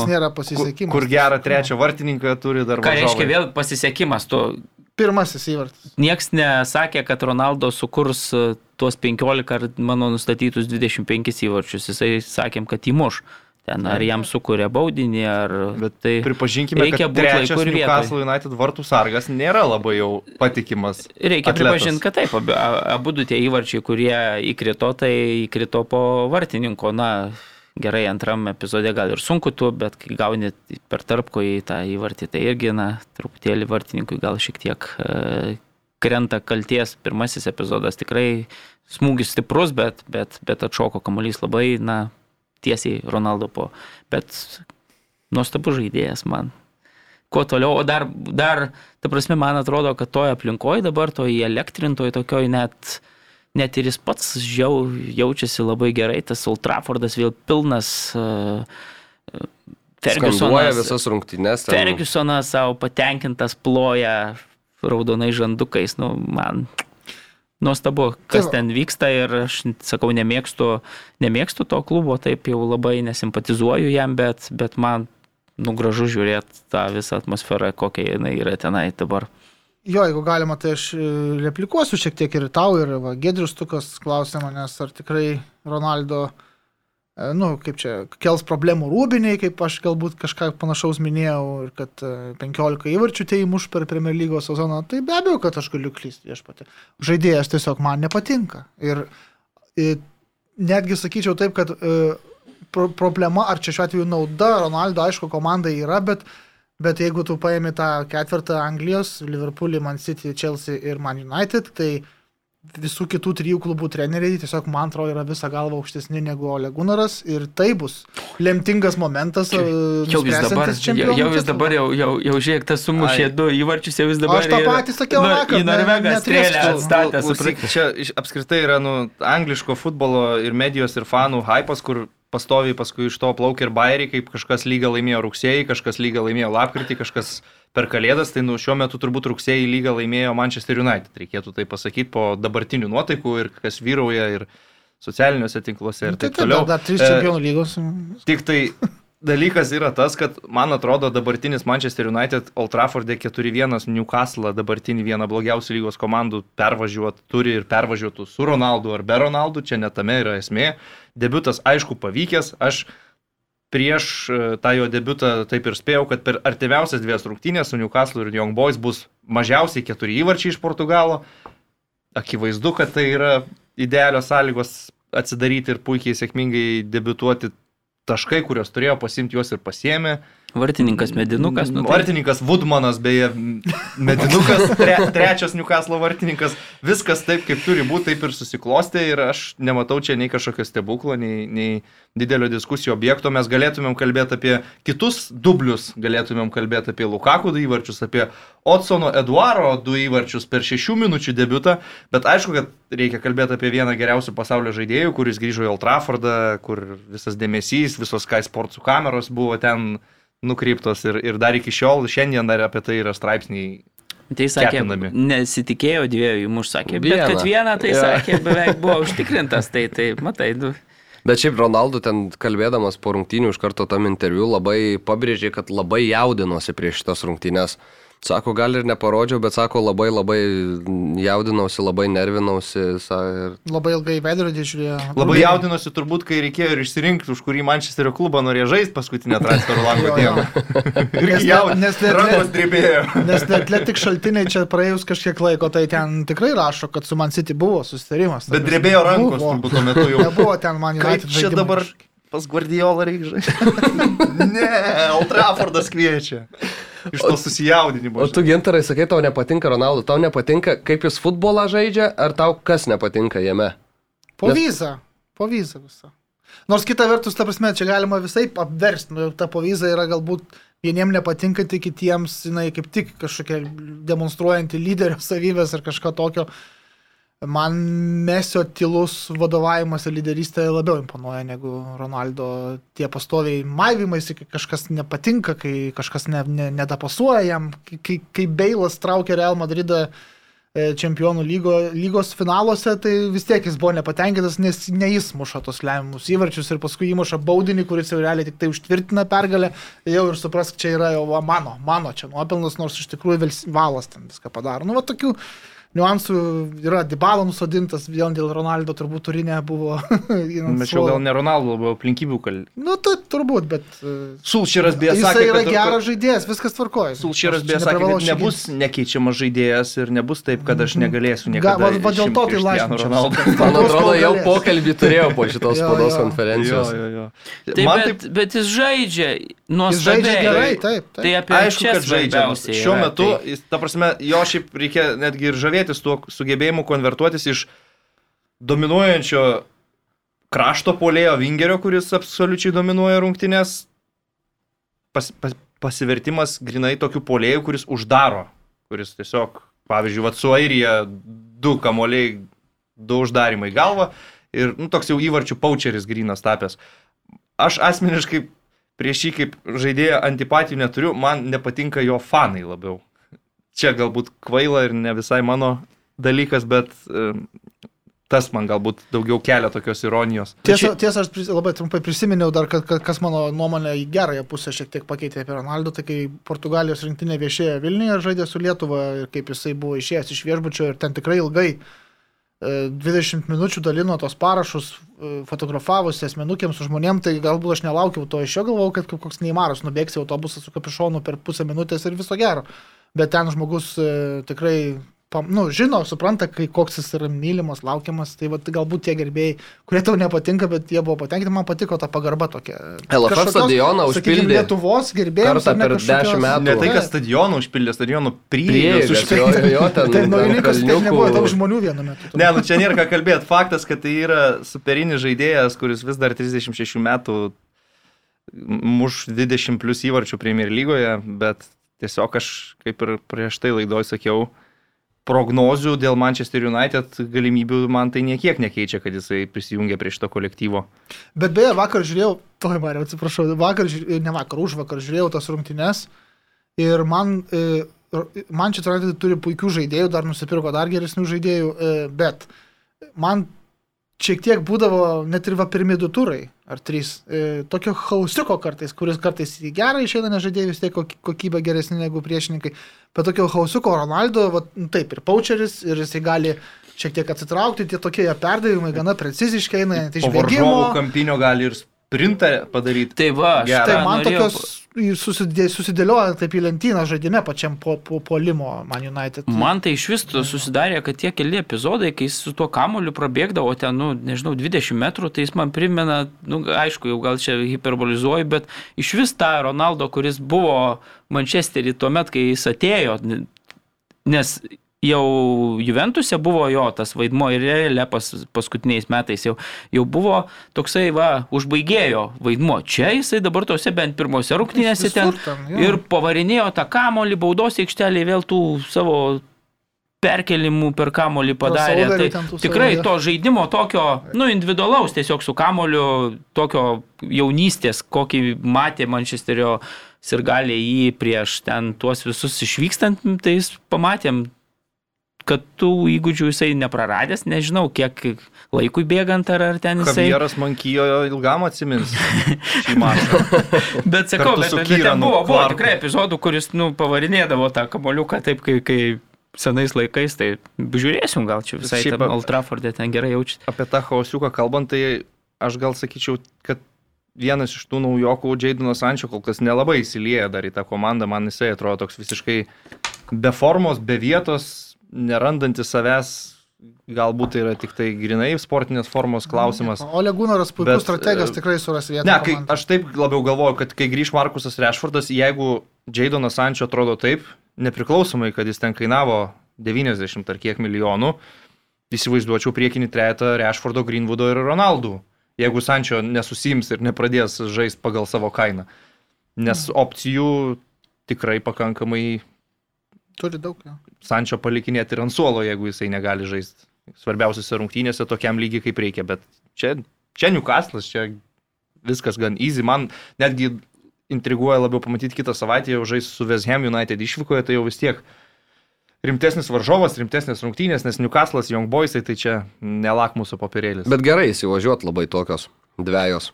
Oi, nu tai visada smagu pasimti taškų į maždaug Nu. įvarčių, tai čia. aišku. 30 bus man tai per sezoną. Tavęs Su, man su, su, su visais. Ne, e, Premier lygoje. Premier lygoje 30? Ne. Taip. Ne? ne. Bet virš 20 bus. Nu, žinai, tokiais tempais, čia toks hypas. O, jėzus. 30, kad ir serija gal iki A. 30 netraukdavo, ten 29, 27. Bet šiaip nelaimės, e, nebus rezultatyviausias Premier lygos. Ai, dabar jau taip, tai vieną kartą sakė, kad laimės. Ne, pagalvoju. Tai kas, kad Lukaku? vienas- Jo, Lukaku. A. Aš Salachui duosiu visgi. Kam? Salachui. Ai, Ne, aš irgi Lukaku. Lukaku. Monstras visiškas. Gerai, nu vis tiek vienas iš tų penkių kokių. čia, žinai, Salachas, Keinas, Lukaku, Ronaldo. Viskas turbūt. kur tas Keinas ten ža- žaisdamas. Ir Feranas Toris. Ja, ja. E, gerai, paminėjai Manchester City žaidėją.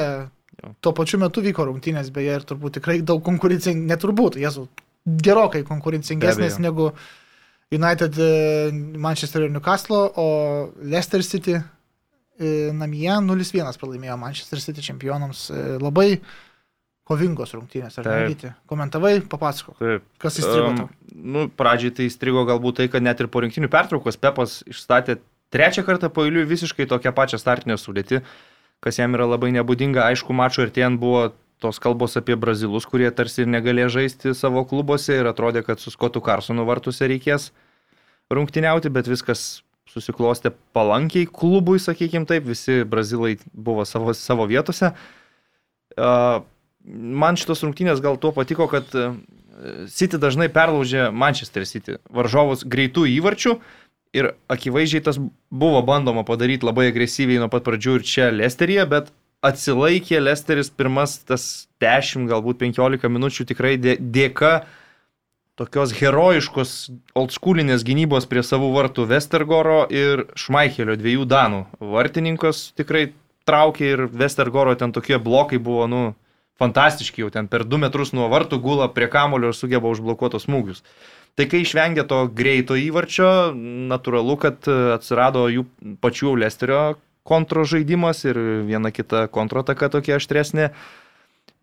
Iš tikrųjų, per pirmą kėlinį, jeigu taip žiūrėt sukurtus momentus, tai Lesteris turėjo vieną progą, Manchester City, sakyčiau, kokias dvi geras galimybės pasižymėti, bet kaip tu ir sakėjai, jautėsi, kad rungtynės yra kovingos.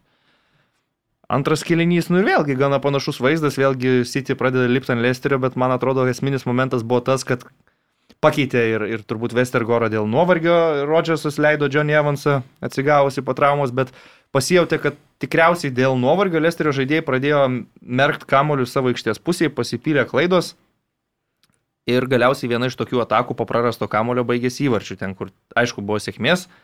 Smūgiavo žavo kancelų į vartus, atšoko kamuolys Bernardų, kuris buvo visai prie pat vartų ir, ir sugebėjo įspirt taikliai.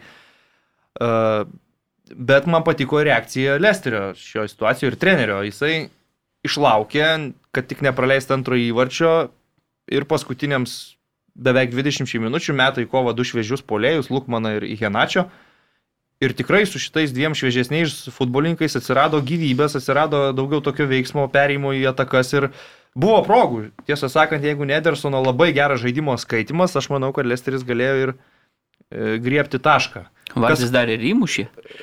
Kas? Nuošalė. A, įmušė, taip, taip, bet nuošalė buvo, nors ten ta nuošalė tokia irgi tra, Ir, ir, trapi ir, ir kaip sužaidė tam epizode, sakykim, Vardis, nu, nuostabu, ta prasme, ten jeigu jo labai geras. Diešą priguldė, Ederson apsivarė, įmušė, bet Toks. tada jau teisėjo asistento vėliavėlė pakilo ir, ir buvo trumpa peržiūra, bet jo, ten ta nuošalė tokia neryški. A, Man kas nepatiko galbūt iš Manchester City pusės, nes šiaip vėlgi labai tvarkingas jų žaidimas, struktūrizuota komanda, kur šį kartą gal įvarčių daug neprimušė, bet jie turi savo žaidimo idėjas, lieka praleidę tik vieną įvartį per keturias rungtynės, bet man labai nepatinka kol kas Sterlingo toks apatiškumas.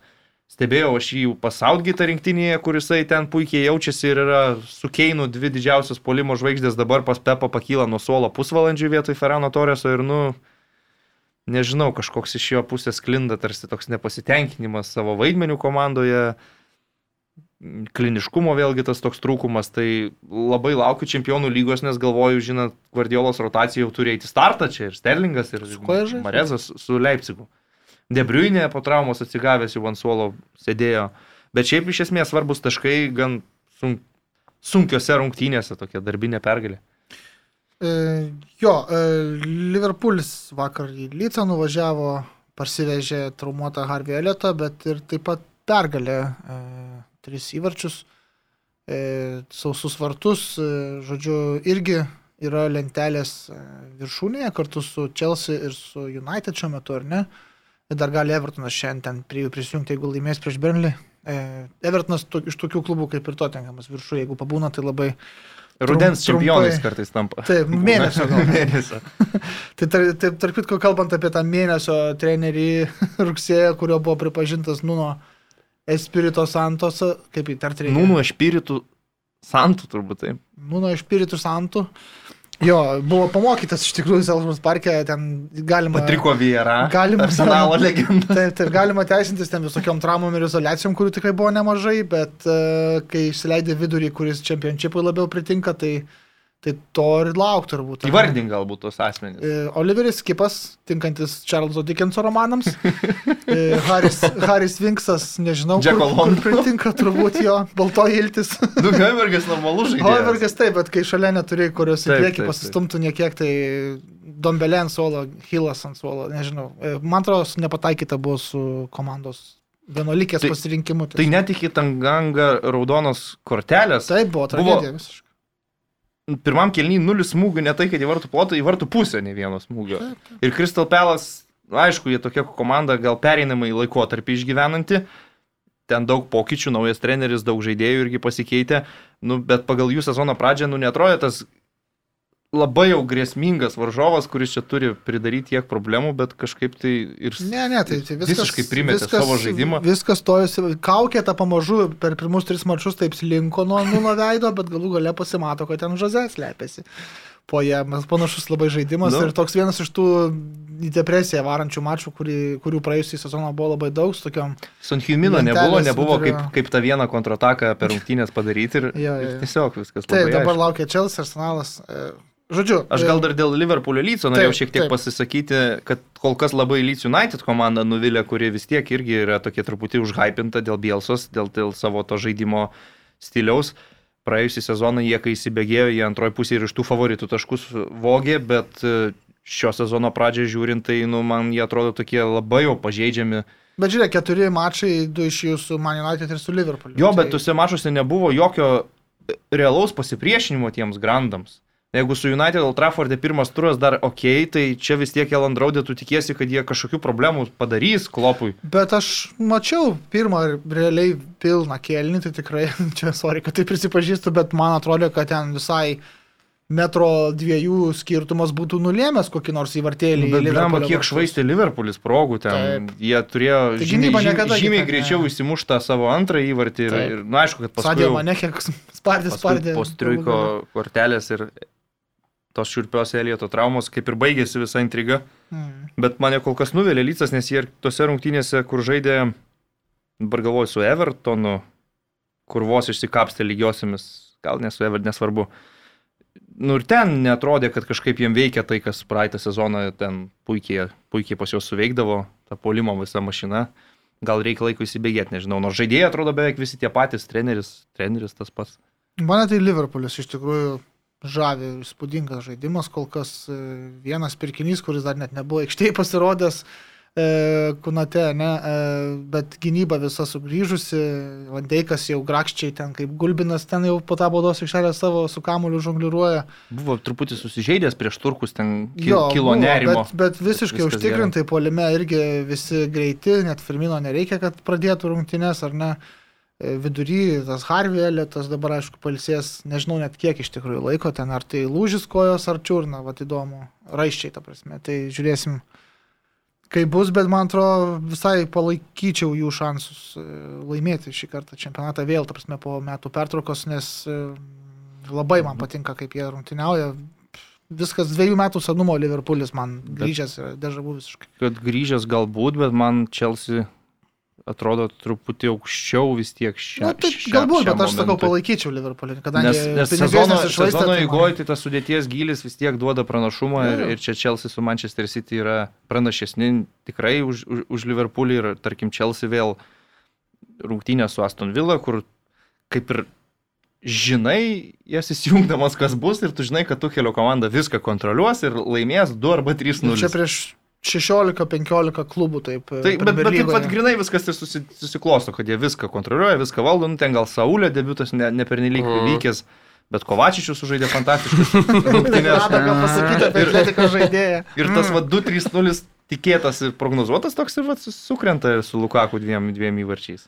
Taip, aš tai turėjau menį labiau, kad palaikyčiau Liverpoolį. Okay, labiau, sup... nes Chelsea, Ai, ir, Chelsea ir Man City tai man tokie, žinai, žodžio palaikyti. Tai aš supratau, supratau jo. Beje, dėl kelio dar ką aš pastebėčiau, kad, na, sakykime, Pepas laimėjo, Klopas laimėjo iš esmės tą pačią sudėtim, kurie žaisdavo prieš rinktinių pertrauką, tai Tuhelis nevengia dabar ir atlikti pokyčių, kurie labiau ten gal rinktinėse pavargo žaidėjai juos paliko, Mountas net, net nežaidė, net nepakilo nuo solelio, Hudsono Dojų išleido į starto sudėti, e, Čelobo jaunasis vėl gavo šansą gynybos grandyje ir e, Sauliui davė debutą, kaip ir sakiau, ne pernelyg sėkminga, bet iš esmės nu, kokybė visiškai nenukentėjo dėl tokių vat, sprendimų. Viskas savo, savo lentynose, rami dar viena pergalė, klinšytas.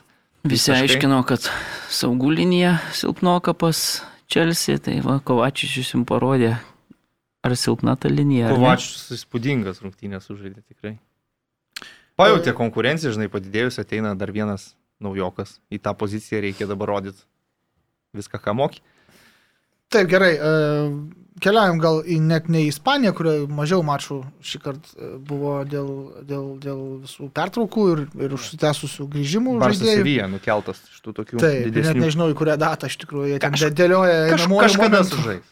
Jo, tai gal... Po Brazilų, Argentinos. Kai reiks Jo, gal Vokietijon šį kartą kelkimės, nes ten tikrai du įspūdingi mačai, galbūt vienas pagal savo rimtumą, kitas pagal visą eigą. Uh, man atrodo, instant classic vadinamasis e, e, virto mačas tarp e, Leverkuseno Bayerio ir Dortmundo Borusijos. Borusija tris kartus lygino, kol galiausiai persverė ir nugalėjo. 4-3 išvykoje Leverkuseno ekipą. Tikrai tokios Wild Wild West, ar ne, tokios rungtynės. Nežinau, Mario, gal savo nuomonę apie rungtynės pasakytum. Man tai gaila Leverkuseno, kad taip gerai atrodė tris kartus pirmavę ir galiausiai viskas baigėsi pralaimėjimu, kurį lėmė dar tokia, na... Nu, kaip ir pataikė. Nu, pataikė į veidą, pataikė e, Roisui, tai faktas, kad turbūt... Kvaila situacija. Jo, kvaila mm. situacija lėmė tą baudinį, tai vat man truputėlį dėl to apmaudu. Nes manau, kad Leverkusenas ir man atrodo treneris po rungtynių sakė, kad 3-3 e, rezultatas būtų teisingesnis šiuo atveju. Mm. Nei, nei, ir, ir aš visiškai sutinku, man atrodo, nu, ir tris įvarčius įmušė gražus įvarčiai, įvairūs įvarčiai. Tai tikrai Leverkusenas, man atrodo, nenusipelnė pralaimėjimo, tai tikrai. Ir tas Leverkuseno trikampis, sakykime, atakuojančių žaidėjų tiesiog įspūdingai skraidė po aikštę, tai Virtsas, Diebi ir Šikas. Šikas, taip. Virtsas, tas vienas iš tų jaunųjų talentų, kur Bayeris Havertzą paleido į plačius vandenis, tai Virtsas čia jau tuo sekančių vos nevadinamas ta etiketė jam prilipdyta, puikiai tikrai draskė kontratakose, ypač ir aš gal pastebėčiau šitų rungtynių, kad žinai, 4-3 pirma mintis, kad buvo šudina gynyba, daug klaidų, žinai, atviras futbolas, bet aš tai sakyčiau, kad čia net ne apie prastą gynybą reiktų kalbėti, tiesiog įvarčių kokybė, nes įvarčiai įmušti buvo abiejų komandų, nu, pakankamai įspūdingi. Kad ir gerėjų, paimkim, baudos smūgį kairę koją, ten mirtinas, visiškai virš gyvatvorės. Holando tas pirmas galva, kur minėjau, užkėlė visą taką, kaip ten gerai suvaikščio kamuolys. Šiko praėjimas, tas pats, kaip iš, Šiko, taip. iš karto, kada reikia. Diebi išeiginę dešinę koją, kur niekas iš jo nesitikė, liuobė stiprų į apatinį kampą. Brantas prieš buvusią komandą ten kaip įsimetė į baudos aikštelę, trim lėtymais bats bats susidarojo po skirsinių. Tikrai įspūdingi visi tie septyni įvarčiai, tai bent jau tas antrauką rungtynių, aš manau, verta pasižiūrėti, jei nematėt savaitgalį toks futbolas buvo gurmanui, kuris mėgsta grožį, mėgsta įvarčius ir taip toliau. Taip, e, čempionate vis dar pirmauja Wolfsburgas, kuris šį kartą net neatsimenu, kaip ten ta komanda vadinasi. Firt, Greuter. Greitai ir įveikė jo. E, sėkmingiausias Wolfsburgo startas, beje, turbūt per visą klubo istoriją Bundeslygoje, bet e, centrinis turbūt vis tiek mačas buvo tarp Leipzigo ir tarp Bayerno. Uh, Leipzigė ir Münchenas išsivežė pergalę. Nepasigailėjo. Gana užtikrinta. Nagelsmanas. Nagelsmanas jo, nepasigailėjo savo būsio klubo. Mario, vėlgi tavęs klausiu. E, ir klausiu Placebo Brothers lūpomis, kada Bundeslygoje atsiras pagaliau intriga ir pasidarys lyga bent minimaliai įdomi. Tai šiemet dar kol, kol yra besivėjančių, tai man atrodo, kol nėra dviženklė taškų persvara, tai tol, tol taigi Borusija visai pakankamai neblogai atrodo sezono pradžioje, tai man atrodo dar iki naujų metų tikrai bus ta kova po to, gal nežinau jau jau. Bet e, jeigu kalbant apie Bayerno šis rungtynes, tai aš pagalvojau, kad man atrodo, kad idealų startinį 11 išleido patys stipriausia, kokį šiuo metu yra įmanoma Bayerno treneris Nagelsmanas. Aš tai šiek tiek apmaudu, kad viską pakeitė ta tokia irgi e, baudinys toks, nu, Kamplis taip sužaidė turbūt ranka pamušė ten, bet uh, vargu ar žaidė. Taip, bet, žinai, teisėjai pažiūrėjus tą pakartojimą, tai taip, jis neturi. Tai, tai kaip ir tam epizode kalbėjom, taip, jeigu tu gyvai to ne, nepastebi ir nematai, jeigu nueini į televizorių, nu, tu matai, kad ranka pamušė kažkokia net atrodo judesys yra. Tai, Tai jo, tai tada ir, ir tada va toks įvartis, nu, man atrodo, kad labai pakeitė, pakeitė rungtynės, kai jau iš karto Bayernas įgyja pranašumą, tada jau, jau labai sudėtinga E, Leipzigui, kuris šį sezoną ir tai tikrai labai sunkiai ten įsibėgėja. Ten man atrodo, kad yra, yra klausimų nemažai maršui pradžioj sezono. Levandovskis beje 17, man atrodo, rungtynėse jau įmušė iš eilės, kuriuose žaidė, ten visiškas čia rekordas, Müllerio ten kažkada gerdo yra jau sumuštas dviem rungtynėm, man atrodo. Patiko, kaip Muselą žaidė, šiaip tikrai ir tas įvartis labai gražus toks vienu lietimu. Gavus pasą vienu lietimu, sustabdai sudėtingą kamulį, o kitų jau užbaigi tikrai per pastaruosius čia tą pusmetį nu, labai stiprų žingsnį į viršų padarė, man atrodo. Tai džiaugiasi, šitas... kad pasirinko Vokietiją, ne Angliją. Jo, čia toks geras, man atrodo, kad visai, nu, tikrai ir, ir, ir žinant, kokią konkurenciją toj komandai vis tiek yra, tai, tai, tai tikrai labai, labai anglas. Ar matyti Nagels, manau, jau braižas komandos žaidime? Zabiceris beje prie savo visą komandą iš, buvo išleistas jo ir vos ne, neįmušė Pomotingas įmušė beje įvartį. Ir, ir šiaip Nagelsmanas jau, nu, ta prasme, kad ir išėmė, pavyzdžiui, Lewandowski jau, man atrodo, galvodamas apie čempionų lygos rungtynę mm -hmm. su, su, su Barcelona, kurios, kurios bus, žinai, tai taip tokio iškovota ta pergalė pakankamai atrodo taip nesunkiai prieš varžovą, kuris na, vis tiek toks jau vienas iš pagrindinių konkurentų, bet sakau, man toks susidarė įspūdis, kad tas baudinys toksai kreivokas, bet buvęs, na, pakeitė labai rungtynių eigą. Bet kad Leipzigas nuvylė gal Ta, tai ta visą prasme, kad, šį nu, sezoną okay, toks vos, ne, man Dažnai jie ten, kur prieš silpnesnius ten prarado taškų, tas rungtynės, Domin... žiūrėjau, nu, dominavo progų daug, tiesiog niekaip neįmuša, kažkur nepasiseka. Čia prieš Bayerną jie labai man kažkaip nesimatė tos idėjos, kaip jie planuoja už, užpult Bayerną. Nei labai gerų išėjimų į kontratakas, nei kad ten kažką daug susikurto. Atrodo, yra tie žaidėjai, yra Olmo, Soboslajus, visi kiti, bet visiškai buvo užgesinti Bayerno ir čia turbūt Nagelsmano geriau paruošti namų darbai irgi lėmė. Aš dar išskirčiau Alfonso Deivisą iš tikrųjų, kuris dabar atrodo jau primena tą Alfonso Deivisą, kai Bayernas čempionų lygą laimėjo. Taip, kur, ir tą perdavimą Bušelą jis atliko būtent. Jis ten suvalgė visų pirma, kas ten buvo, Haidara, man atrodo, yeah. iš Leipzigo visiškai petys į petį ten jį nurungė, įsimetė į baudos aikštelę, davė asistą ir fantastiškai atrodė vėlgi šitose rungtynėse ir praeitą sezoną, tarkim, Alfonso Deivisas atrodė toks sustojęs truputėlį ir galbūt ir tų traumų buvo, bet nebuvo jau toks visiškai aštrus kaip tada, kai laimėjo čempionų lygą. Tai dabar atrodo visiškai atsigavęs vėl ir grįžta. Jo, bet ir tą sezoną, jeigu ten rytį prisiminsim, tai jis labai atrodė, kad tą formą gerą įgyjo, va tam, nu, antram sezono pusmetyje, kai, kai jau prasidėjo pavasaris, atėjo, tada jis ten tikrai fantastišką formą demonstravo mm. ir to čempionų lygoje. Ir, ir, ir man atrodo, kad dar jis vis tiek toks žaidėjas, kur visą tą sezoną, na, neišlaiko to tokio lygaus savo Bet formos. Ant jo vat, gal ir jaučiasi ta Nagelsmano ranka, žinant, kaip Nagelsmanas kairiam krašte iš Angelinio buvo monstrą padaręs ten pagal įvarčių rasistų statistiką, tai dabar panašu, Kol kad... nesusipyko, dabar su Jo, jo, jo. Bet panašu, kad Alfonso Deiviso projektas irgi labai kol kas sėkmingas ir mane net nustebė, aš nesitikėjau, kad taip užtikrintai laimės Bayernas išvyko į prieš, prieš Leipzigą. Ok, keliamės gal į Italiją. E, Napoli Juventus turbūt vėlgi centrinis e, mačas. E, puikiai Napolis atrodė. Būtų turbūt galima sakyti, kad apgailėtinai Juventusas atrodė, bet tai yra tokia išnaša, kuri svarbi yra, man atrodo, kad dėl, dėl, e, dėl nebuvo. Pietų Amerikos nebuvo Dybalos, Alekso, Alešo, Sandro, Kvadrado, Danilo, Rodrygo Bentankūro, dėl traumų nebuvo Federico Kiesos, Arturo ir Kajo Jorge, ar kaip ten, žodžiu. Daug atletų. Reikia sakyti, daug nebuvo komandos, kita vertus, nu, galbūt neturėtų būti taip, kaip sparsai prieš Kristal Palasą, nežinau. Neturėtų. nu, čia galbūt Allegrio taktikos, nežinau.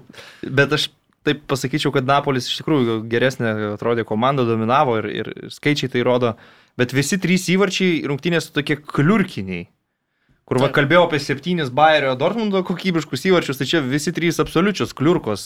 Rungtynių pradžioj Napoli, Manolas e, grubiai klysta, Morata nubėga, įmuša. Bet šiaip kaip įmušė. Įmušė labai, aikštus, labai iš tokio kampo gana Kai, kai, kai juok, juokėsi visi per Europos čempionatą, kad Jo, ten jo, tais jo, ir jo. perėmė ir nei vieno bereikalingo lėtimo nuostabus įvartis. Bet vis tiek, bet kokiu atveju turi pripažinti, kad tai buvo Kosto Manolo kritinė. Tai šiurkščiai čia klaida. Tada žiūri Napolio įmuštus įvarčius. Pirmas ten šiandien neaišku, kaip atmuštas insinijas kamolys, prie atšokusio varžovo spėja, išlygina. Antras įvartis ten Moizekenas, kaip ten rusų komentatorius sakė, jis čia turbūt dar už Evertoną žaidė per šitą kampinį. Į savus vartus galvą kažkokį kamolį nukreipinėjo, šiandien ten jį bandė traukti, pribėgo hulibalį, įnešė į vartus. Napoli pergalės tikrai, manau, nusipelnė, galėjo įmušti iš geresnių situacijų tos įvarčius, bet visi trys vat išėjo tokie, nu ne visai aukščiausio lygio rungtynių verti įvarčiai, bet pelnyti tikrai, manau, nepoliečių trys taškai. Taip, ir Napolis turi devynis taškus po Taip. trijų rungtynių, Juventusasgi Turi vieną. su vieninteliu. Bet kas- Juventuso fanai guodžiasi, kad per pirmą bent jau Ronaldo nėra Ne, ne, ne, kad per pirmą Allegrio sezoną lygiai taip pat buvo startuota su vienu tašku uh, po trijų rungtynių, bet komanda įsibėgėjo nuo dešimto turo, kai įveikė Sasolo, o šį sezoną vėl dešimtam turė žaisti su Sasolo. tai bando tikėtų naratyvų, kad viskas A- Aš dabar li- linkiu bus gerai. sėkmėms, linkiu sėkmės tokiems Ne, nusistatymams. bet tikrai šitą komandą, aš manau, jinai nu, atsigaus ir įsižais laikui bėgant. Bet ar laimės, va, tarkim, susigražins skudeto, tai taip drąsiai teikti gal dar ir nereikėtų. Taip, gana netikėtas, taip pat buvo Atalantos pralaimėjimas Fiorentinai, Marijus mėgstamai 1-2, Interas du kart pirmavo prieš Sampdoriją, e, bet galiausiai baigė rungtynės lygiosiamis 2-2, beje, Sampdorija giriama yra Italijos futbolo spaudoje kaip labai stilingai žaidžianti komanda. Stilinga ir išlyginama įvartį įmušė. Jo, Labai e, stilinga. Taip, e, Milanas savo ruoštų įveikė Lacijo 2-0 e, ir pasižymėjo Zlatinas irgi, kuris jau to į pensiją išeis be darbo. Škoseną matei kokią? Tapo Tokia su kasyte, supinta, Mm. mm. išbėgo 40 metis.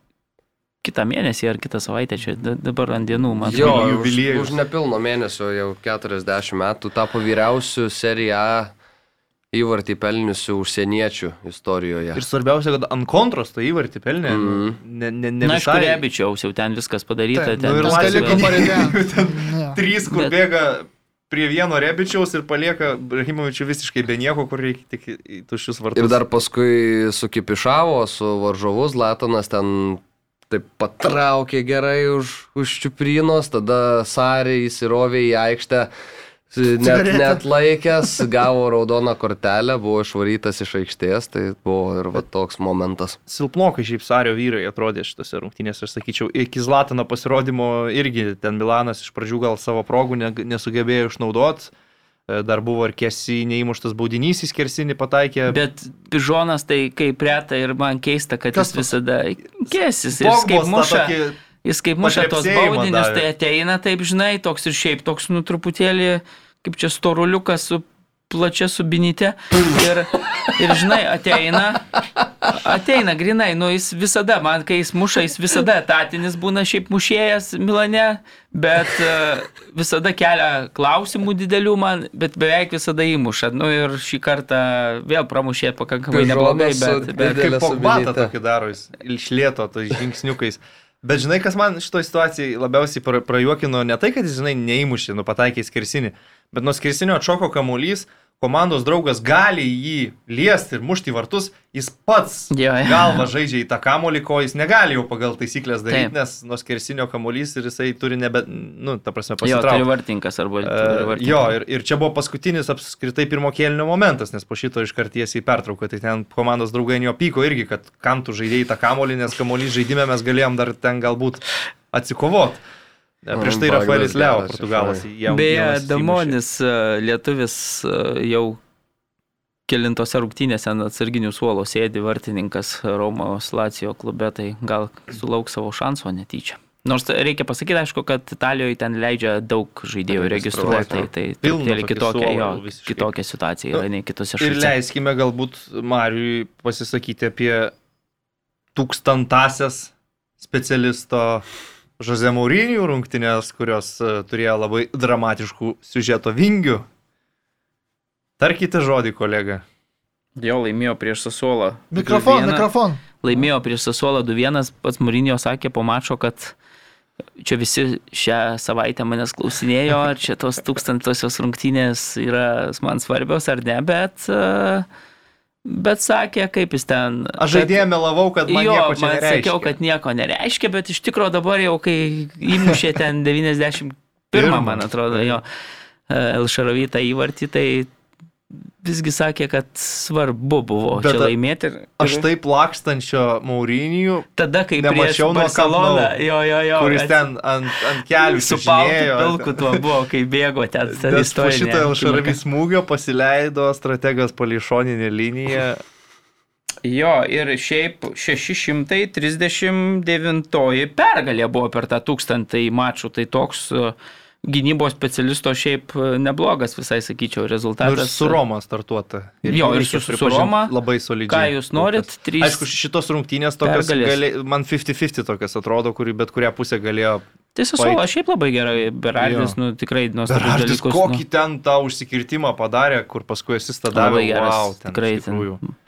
Tai, nu ką, ir vat, juokėtės, juokėtės, pirma vieta. Nesijokėm, nieks čia A, nesijokė. Nesijokiu. Akivaizdu, kad Jam- ne Morinio yra problema, o Tottenhamas buvo Ne, problema. jam serija. Manchester United buvo problema. Serija, tas futbolas gal labiau tinka jo taktikoms. Ir, ir ką, Taip.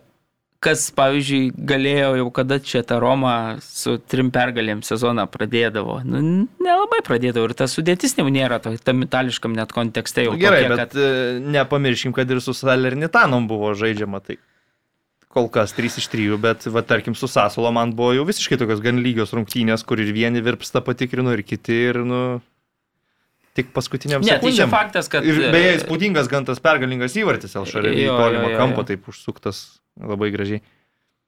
Ok, keliamės mes į Ispaniją, paskutinę iš didžiųjų lygų, kurią mes apžvelgsim, nes mes jis nežaidė šį kartą, grįžęs iš Pietų Amerikos PSG. Gal dar net grįžęs nebuvo, nes penktadienį Gretose- sužaidė su Bolivija Hetrika, Turbūt, kad o nelabai šeštadienį sugrįžti žaidė dėl po, laiko. po pietų. Jo, jo, turbūt. Gal dar net nebuvo. nelabai ten. Tai Ispanija. E, Čempionas Atletiko eilinį kartą gelbėjosi paskutinėmis sekundėmis ar minutėmis. Ten 99 Jo, minutė. e, bet tikrai eilinį kartą, nes aš praeitą Kai sezoną. dešimt kiek buvo pridėjo, ten kokia buvo reakcija Spanijolo fanų.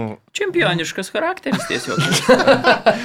Vienas, du baigėsi mašas, Espaniolas įveiktas išvyka, nors pirmavo e, šeimininkai. Taip, ir ilgai pirmavo labai, kito Karasko labai gražaus įvarčio. Ir ir paskui po 20 minučių Lemaras jau uždėjo tą lemiamą ir paėmė 3 taškus, bet, Išeiginė koja ir Jo, dešinė, niekada nesmūgiuoja dešinė. bet geras smūgis, vartininkas šiek tiek lietė kamolį, man atrodo, dar, bet, bet, bet, bet nesulaikė jo, bet, nu, toks, nu, atletiko pergalė iš esmės, čia neturėtų super stebinti tokie dalykai. Mane labiau gal stebina tai, kad, ta prasme, Spaniolas tikrai pirmavo dėl to, kad geriau žaidė. Mhm. Mhm. Pirmam kėlinį, ta prasme, Atletiko išsileido Simeonė sudėti ir su Grizmanu, ir su Suaresu, ir Angelis Korėja jau nuleistas ten žemyn. Labai reikėjo tuos žaidėjus. Bet labai prastai atrodė per pirmą kėlinį, taip Espaniolas po kampinio įmušė, bet ir iš atviro žaidimo jie galėjo pasižymėti. Ir futbolas Atletiko prasidėjo, mano manimu, tik tada, kai atliko keitimus. Grezmaną, iš esmės. Iš esmės taip, iš pradžių trys keitimai iškart po pertraukos, jau taip. ten buvo geras sprendimas, manau, pakelt Karasko labiau į polimą iš, iš to kairio krašto. O kai jau pakeitė Grismaną Žavo Feliksų, tada prasidėjo judesys ir dar tai reikėjo pakeisti pompą pagavusi Svaresą. Ir visiškai jau tada jau spaudė, spaudė, spaudė, lipo, lipo ir, ir užlipo. Bet tiesą sakant, Simeonė per visą laiką treniruodamas Atletiko turbūt niekada neturėjo tiek polimo opcijų, kiek dabar Tai yra. va tame reikalas. ir Kalbėjom dabar tada, surast kad Tuhelis Chelsea turi ten kiek nori, gali tų, tų variantų Jo. užstatyti, tai dabar Simeonė labai Ir panašiai. jam surast tą balansą ir kas kur turi žaisti, čia nėra taip paprasta. Čia gali būti, kad pavardės. Grismanas su Suarezu dabar kovos dėl vietos startiniai sudėti sezono eigoje. Grismanas be formos visiškai. Tai atrodo, taip, tiesą sakant. Barsui jis ten pradėjo sezoną, sužaidė kažką tai, bet irgi buvo blankus. Čia šiandien, e, ne šiandien, vakar 58 tokios irgi minutės visiškai niekam tikusios. Ir dar vat, į konkurenciją dar nupirktas toks kūnija jaunas brazilas. Mhm. Tai man labai įdomu bus žiūrėti, kai jau ateis labai svarbios rungtynės, sakykime, kur bus Simeonės tas vienuoliktukas svarbiausių žaidėjų. Nes Taip, taip, yra taip. aiškus žmonės ten gynyba, Jorentė, Karasko, šitie žais, jie turi žaisti, čia faktas, bet vat, su tais vat, visais polėjais. Nes Suarėsas irgi toks sunkokas sezono Mhm. pradžioje atrodo, aišku, mes žinom, kad Urugvajėtis mėgsta sezoną pradėti su papildomais kilogramais, bet paskui įsibėgėja. Tai matysim, bet aišku, svarbiausia trys taškai ir pergalė ištraukta, kur vėl Simeonė su savo tais juodais marškiniais 99 minutė. Koholės! Viskas. Espanjolo fanai visi ten fakais šeria 10 minučių pridėjo, kad čia trašūdas. Reikėtų beje gal pasakyti, dėl ko tos 10 minučių, nes vienas dalykas atsigavinimo pertrauka Ispanijai vis dar būna rungtinių metu. E, medicinio personalo bent trys pasirodymai ir, ir daug keitimų vienas po kitoje sekusių, tai Taip. teisėjas priskaičiavo 10. Daugokai šiaip vis tiek. Nu, daugokai dažnai aš šiais laikais kažkaip nelabai pykstu dėl to pridėto laiko, nes, na, teisėjai juk turi tos laikrodžius. Jo, jo, jo. Viskas fiksuojama, skaičiuojama ir susideda ir, ir aišku, iš ko yra tos minutės. Galbūt prieš 20 metų iš lempos ten Fergusonui septynės pridėdavo tiesiog. Dabar, nu, Tai kažkaip- Anglija ir dabar žino, kartais, nu, aš, sorry, kad į tą tokį eilinį mačą grįšiu, bet Kristal Pralas Tottenham, jeigu, nežinau, matėt, ne, bet pirmam kelnį, kokias penkias minutės Erikui Dairiui buvo suteikiama pagalba, jis buvo tikrai labai negreitai išneštas iš, kaip čia, palydėtas iš aikštės, nes gavo traumą kokią, nežinau, dešimtą minutę. Ir pridėtas buvo minutė. O kodėl ne? Nu, ta prasme, aš ne- nelabai kartais suprantu. Nu, Anglai jie ten-. Tai va, čia Savam irgi pasaulyje. yra, supranti, labai, nu, neapibriešta, va, kas yra blogai, kad jeigu tu, pavyzdžiui, vakaryti sako, jo, tu laikrodukas spaudi ir tada visi, visi Taip. traktuotų vienodai, Tas tada jokių diskusijų nebūtų. laikas. Bet kai dabar, matai, tu žiūri ten Anglijoje pridedama, va, kai tu sakai vieną minutę, tada perjungi kanalą ir jau tada dešimt pridedama, žinai, nors, nu tai tada truputėlį vėl iš kur, pavyzdžiui, tam pačiam sirgaliui ar tam pačiam komandos treneriui dabar žinot, kada iš čia Nu, nuspręs, taip. žinai, nu, reiktų, kad būtų suvienodinta. Aš sutinku, kad e, galėtų būti šitas dalykas griežčiau galbūt sureglamentuotas. Yra Jo. dar ir tokių netgi kultūrinių skirtumų, kaip tarkim Vokietijos Bundeslygoje, jeigu komanda kažkas trypia 4-5-0, ne, ne vienos minutės. Taip, taip. 90 Pagal juos baigėsi, baigėsi rungtynės. Bet čia ir logiška visai. Nu, matai, čia iš kurios pusės pažiūrėsi. E, iš vienos pusės tai kaip ir žaidžiama yra lyga, kur įvarčių skirtumas kažką Gali reiškia būt, ir kaip ir reikia atžaisti ir kiekvienas įvartis gali būti svarbus ir kiekvienam žaidėjui asmeniškai gal svarbu pasižymėti. Tai va, anglai net ir tokiuose mačuose, kur ten City Norridge'as 5-0, užmeta 3 minutės plus. Mhm. Vokiečiai niekada taip nedaro. Čia tokie labiau gal kultūriniai skirtumai, kurių niekas nereglamentuoja labai griežtai matyt, kad Mhm. E, Madrido Realas vakar vakare vėlai sužaidė po ilgos pertraukos iš tikrųjų rungtynės vis dar renovuojamame Santiago Bernabeo stadione pirmo šį sezoną namie. ir praėjusiai irgi nebuvo ten žaidžiama, atsiminkime. Jo, bet praėjusį jie be žiūrovų tai galėjo ramiai savo žaisti savo Di Treniruotės Stefano Treniruotės aikštėje. aikštelė. Tai taip, o O šį, šį sezoną pradėjo, pradėjo išvykomis. Taip, taip. e, Ten berot stadione 5000 vietų padaugės iki 85 su viršum tūkstančių. Bus ten ta aikštė pakeičiama, retractable ar ne, kaip ten vadinasi, nežinau, daugiau restoranų ir taip toliau, daugiau progų pasidaryti pinigėlių perasui. A, Bet rungtynės tai tokios irgi įdomesnės. Atėjo fanai, aišku, 20 tūkstančių su viršum pažiūrėti pergalės. Tai buvo šansų, kad jos nebus iš pradžių taip atrodė, nes du kartą atsilikinėjo, bet paskui Benzema, Vinicijus, e, netgi Kademingi po šešių Kamavinga, minučių. prašyčiau, aną kartą jau man užkliuvo, kad Aš jau Odemingį šio vadinu. super talentingo atleto pavardės, kolegos, nežinojote. Aš nežinau, kiti gal žinojo, aš nežinau. Kamavinga. Kamavinga įmušė irgi Taip. debiutinėme mače savo. E, koks, nežinau, yra kažkoks įspūdis iš šitų rungtynių?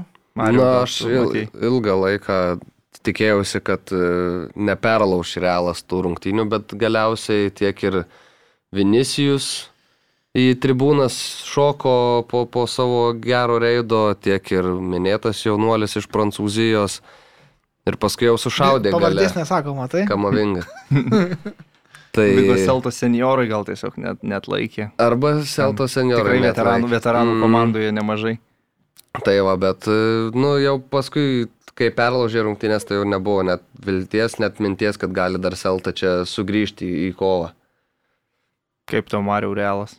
Benzema, Hetrikas, Vinicijus. Silpna komanda, kai Skraido tokie po aikštę, žaidėjai Benzema lošia, sako ne? Vinicijus čia. Aš žaidėjas Modričius visai Topinis. padarė va treidą tam kamavingos įvarčiui. Tai... Nu, kaip, ne, neperdavimą atliko, bet po ne, smūgio bet, ten. bet jau bent mačiau bėgantį Modričių su kamoliu, kiek ten 30 gal metrų. Nu, tai situacija iš tokio vis susiformavo vien dėl to Modričius reido. Jo, tai, tai, tai jau seniai aš tokį mačiau, kad, kad Modričius tokį reidą atliktų, tai, tai visai, nežinau, man atrodo, kad labai teisingai jūs čia pasakėt, kad e, pavargo turbūt, e, Selta net laikė to, tis e, gale ten Benzema savo tos e, baudinys dar buvo beje Tai paskutinis. skirtas, tai, tai įmušė ir tą baudinį, iš tikrųjų net neatsimenu, už ką ten buvo dabar skirtas, bet... bet... Nukriovė Vinicijų baudos Ai, Vinicius aikštelį. jo nugriovė.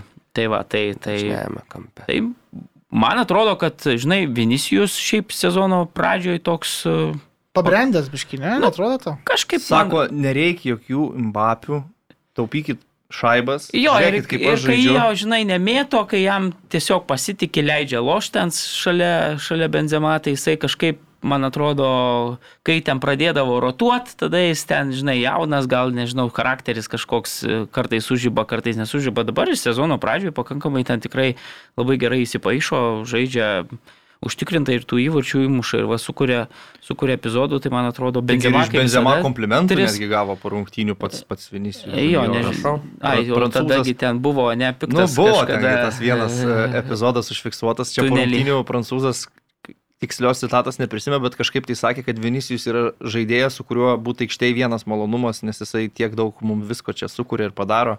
Ne, bet tikrai jis paplėšo, tikrai tai Mm. savo reidais labai taip, e, nu, man atrodo, kad visai geras, gera sezono pradžia. Realo ir, ir visai nuteikianti optimistiškai. E, Sutikčiau, Valencijos irgi pradžia gera, netgi sakyčiau, čia stebina šitas dalykas, e, komanda vis dar lyg ir pabirėjusi, bet pradėjo sėkmingai ir dabar viršūnėje yra lentelės kartu su realais. Ir aišku, atletikais ir, ir, ir dar galbūt bus Sevilija arba Barsa, pasižiūrėsim. Mhm. Tai, bet vis tiek neblogas startas, komanda tokia yra irgi klasikinė, ne? Atrodė ties, ties bankroto riba ten atsidūrus, vieną taip, vasarą taip. turėjo išsipardavinėti žaidėjus, bet keli tokie ryškesni liko ir tarkim, vat, Soleras prasimušęs dabar jau ir Ispanijos rinktinę savo gerų žaidimų Valencijos klube, bet aš nelabai tikiu, kad ta Valencija ten ilgai laikysis, ar netgi nelabai aš juos matau dėl čempionų lygos kovojančius, tiesą sakant. Manau, kad Sevija yra daug geresnė komanda. Tai turbūt čia vis dar tik tai startas, ar ne? Taip. Viščiukus skaičiuosim gerokai vėliau visose didžiausiose lygose. E, turbūt, jeigu neturit kažkas kažko dar pridurti, galim galbūt raukti šios dienos. Galim tik paminėti, kad čempionų lyga šią savaitę Ai, nu grupė taip, etapas prasideda ir daug. Tai jau. jau yra tų tokių grandų mūšių, Interas prieš Realą, Barsa prieš Bayerną. Tik tai ne, ne, nedėkit per daug vilčių, kaip aš vis laik sakau, grupės etape vykstančius grandų mušius reikia žiūrėti kitaip negu į playoffų mačus, ten dažnai ir būna pasisaugomas, sakykime. Nu, kaip kokia grupė yra tokių grupių, kur ten koks Nu, Mansitis tai. Leipzigų, jeigu prarastų taškų, tai jau tada su Paris Saint Germainu reikėtų kaip finaluose daužytis. Tai Na taip. Ir kad Realo grupė ten, turint tą Interą, nėra taip jau viskas paprasta. Tai Bayernas Barsa vat, skamba labai didingai, bet aš žinodamas dabartinę Barsą ir Kaip dar, ir dar kiek ten yra e, bėdų, problemų ir kokia sudėtim kum- kum- kumanas žaisti, man atrodo, kad Juda. e, gali pasikartot praeities tie šešėliai, kam nau, kai buvo 8-2, nu gal tiek nebus čia, bet man atrodo Bayernas suvažinės e, katalonus. Žiūrėsim, bet iš tikrųjų šiandien dar ir Premier lygos, ir, ir La lygos, jeigu labai patinka. Jeigu Barlį mėgsta, tai Jo, visada Burnley 10 Burnley valandos e, fanams. time slotas jums yra paruoštas pirmadienį. Šono Daišo šou. Taip. E, Antradienį, trečiadienį Čempionų lyga, ketvirtadienį Europos lyga ir konferencijų lyga, Šitą tai penktadienį. tu žiūrėsi. Nerodys, man atrodo, tas mūsų kanalas naujasis.